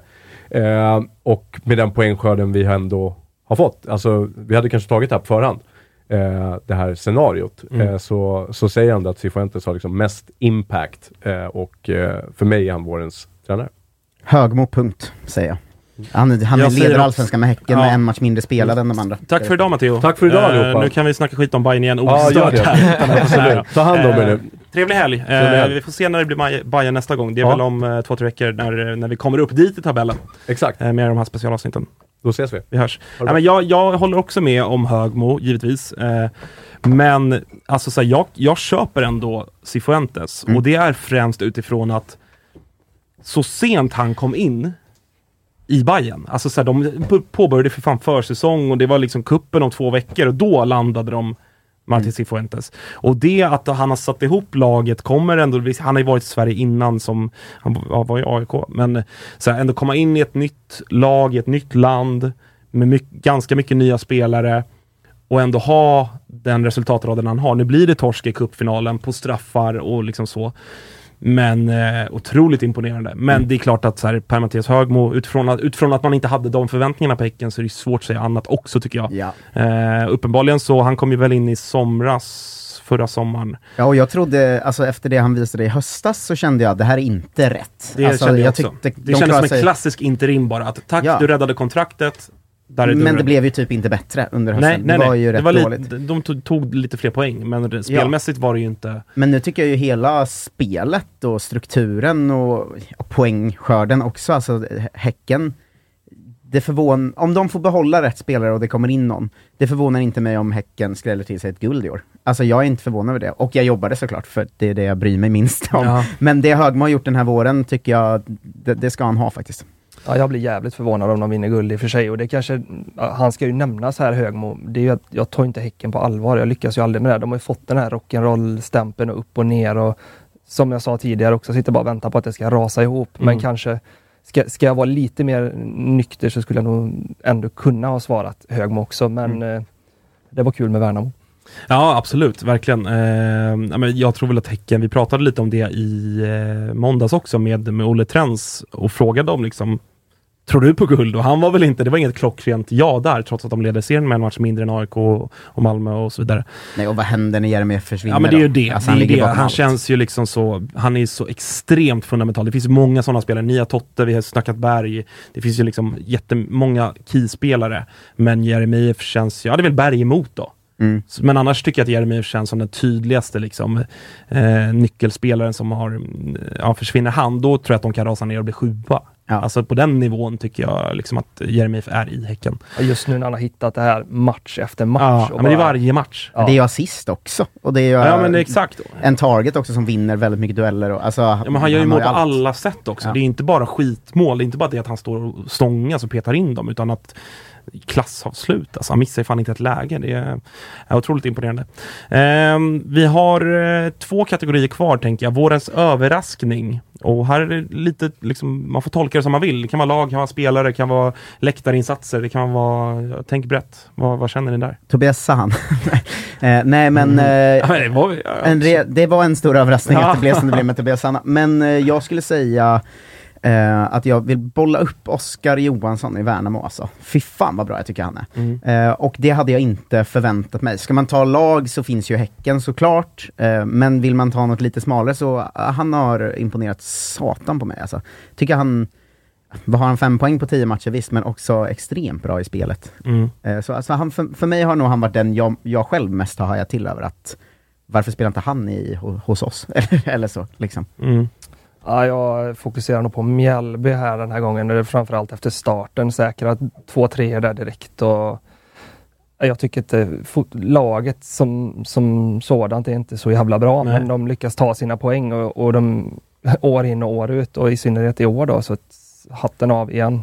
Ja men jag håller verkligen med, för det är ju lätt att, nu har ju de på något sätt ändå etablerat sig. Men det är som du säger, de tappar ju fan halva startelvan. Det pratade vi om inför, det här inför säsongen-programmet vi körde, att det är ju mycket lånade spelare, det är dålig kontinuitet, ny tränare i brännan som ska liksom implementera sitt spel på ett, liksom ett, ett lag som var otroligt defensivt lutat innan. Han har ju visserligen fortsatt ganska mycket på det spåret, men Mjällby är ju ett lag som liksom rent hierarkiskt, de borde ju vara, liksom vara med i diskussionen om att de kan åka ut. Det var kanske några som trodde det. Eh, jag trodde väl att de skulle klara sig men precis där ovanför, men de har ju för fan redan säkrat kontraktet mer eller mindre. Ja, det känns Och det är ju en otrolig jävla prestation. Eh, så att Mjällby, absolut. Ehm, jag får typ ändå säga, det känns konstigt med tanke på hur mycket skit jag snackat om dem, men jag får typ ändå säga Blåvitt att det ser så dåligt ut fortfarande. Mm. Alltså poängmässigt, tabellmässigt, jag tror att jag har dem åtta. När jag gjorde mitt tips inför säsongen. Och det, det, det är klart att de kan komma åtta. Mm. Men jag hade ändå förväntat mig att de skulle börja ta något form av steg. Men jag, tyck, jag, ser, jag ser inte det. Nej. Man räddas av Marcus Berg liksom då och då. Mm. I övrigt så noll spelarutveckling. Liksom. Men kan man säga en bredare årets överraskning överlag också att det är så dåliga bottenlag i år? För jag trodde Ja. inte att det skulle vara att vi efter tio matcher redan kan säga vilka som kommer eh, Jag trodde i och för 16, sig det. 15, 14. Jag, Det- jag, jag, inte det. trodde ändå det. Jag trodde, ja, i alla fall, i alla fall eh, Degerfors och eh, Helsingborg framförallt. Ja, Degerfors var lite givet, alltså det kände man att det här Det kände man. Jo men jag trodde också att kanske Varberg skulle vara lite sämre och att de här Sundsvall, Helsingborg, Degerfors skulle ha plockat lite fler poäng och i alla fall sett att man skulle sett någon tendens liksom. Alltså Mm. Sundsvall och Helsingborg känns ju för jävla deppigt tycker jag alltså. Ja, alltså så här, de, tre, de tre trillar ur. Ja. Det är klart. Mm. Alltså, så, så, det, det är som Axén sa, det är klart. Det är klart. Det blir inget. Svanemar efterfrågade ju lite strykgäng här, han ville utöka allsvenskan, så där har jag fått tre i alla fall. Ja, Han kan exakt. få vila sina spelare. Exakt. Eh, så att det är nio pinnar till alla lag där.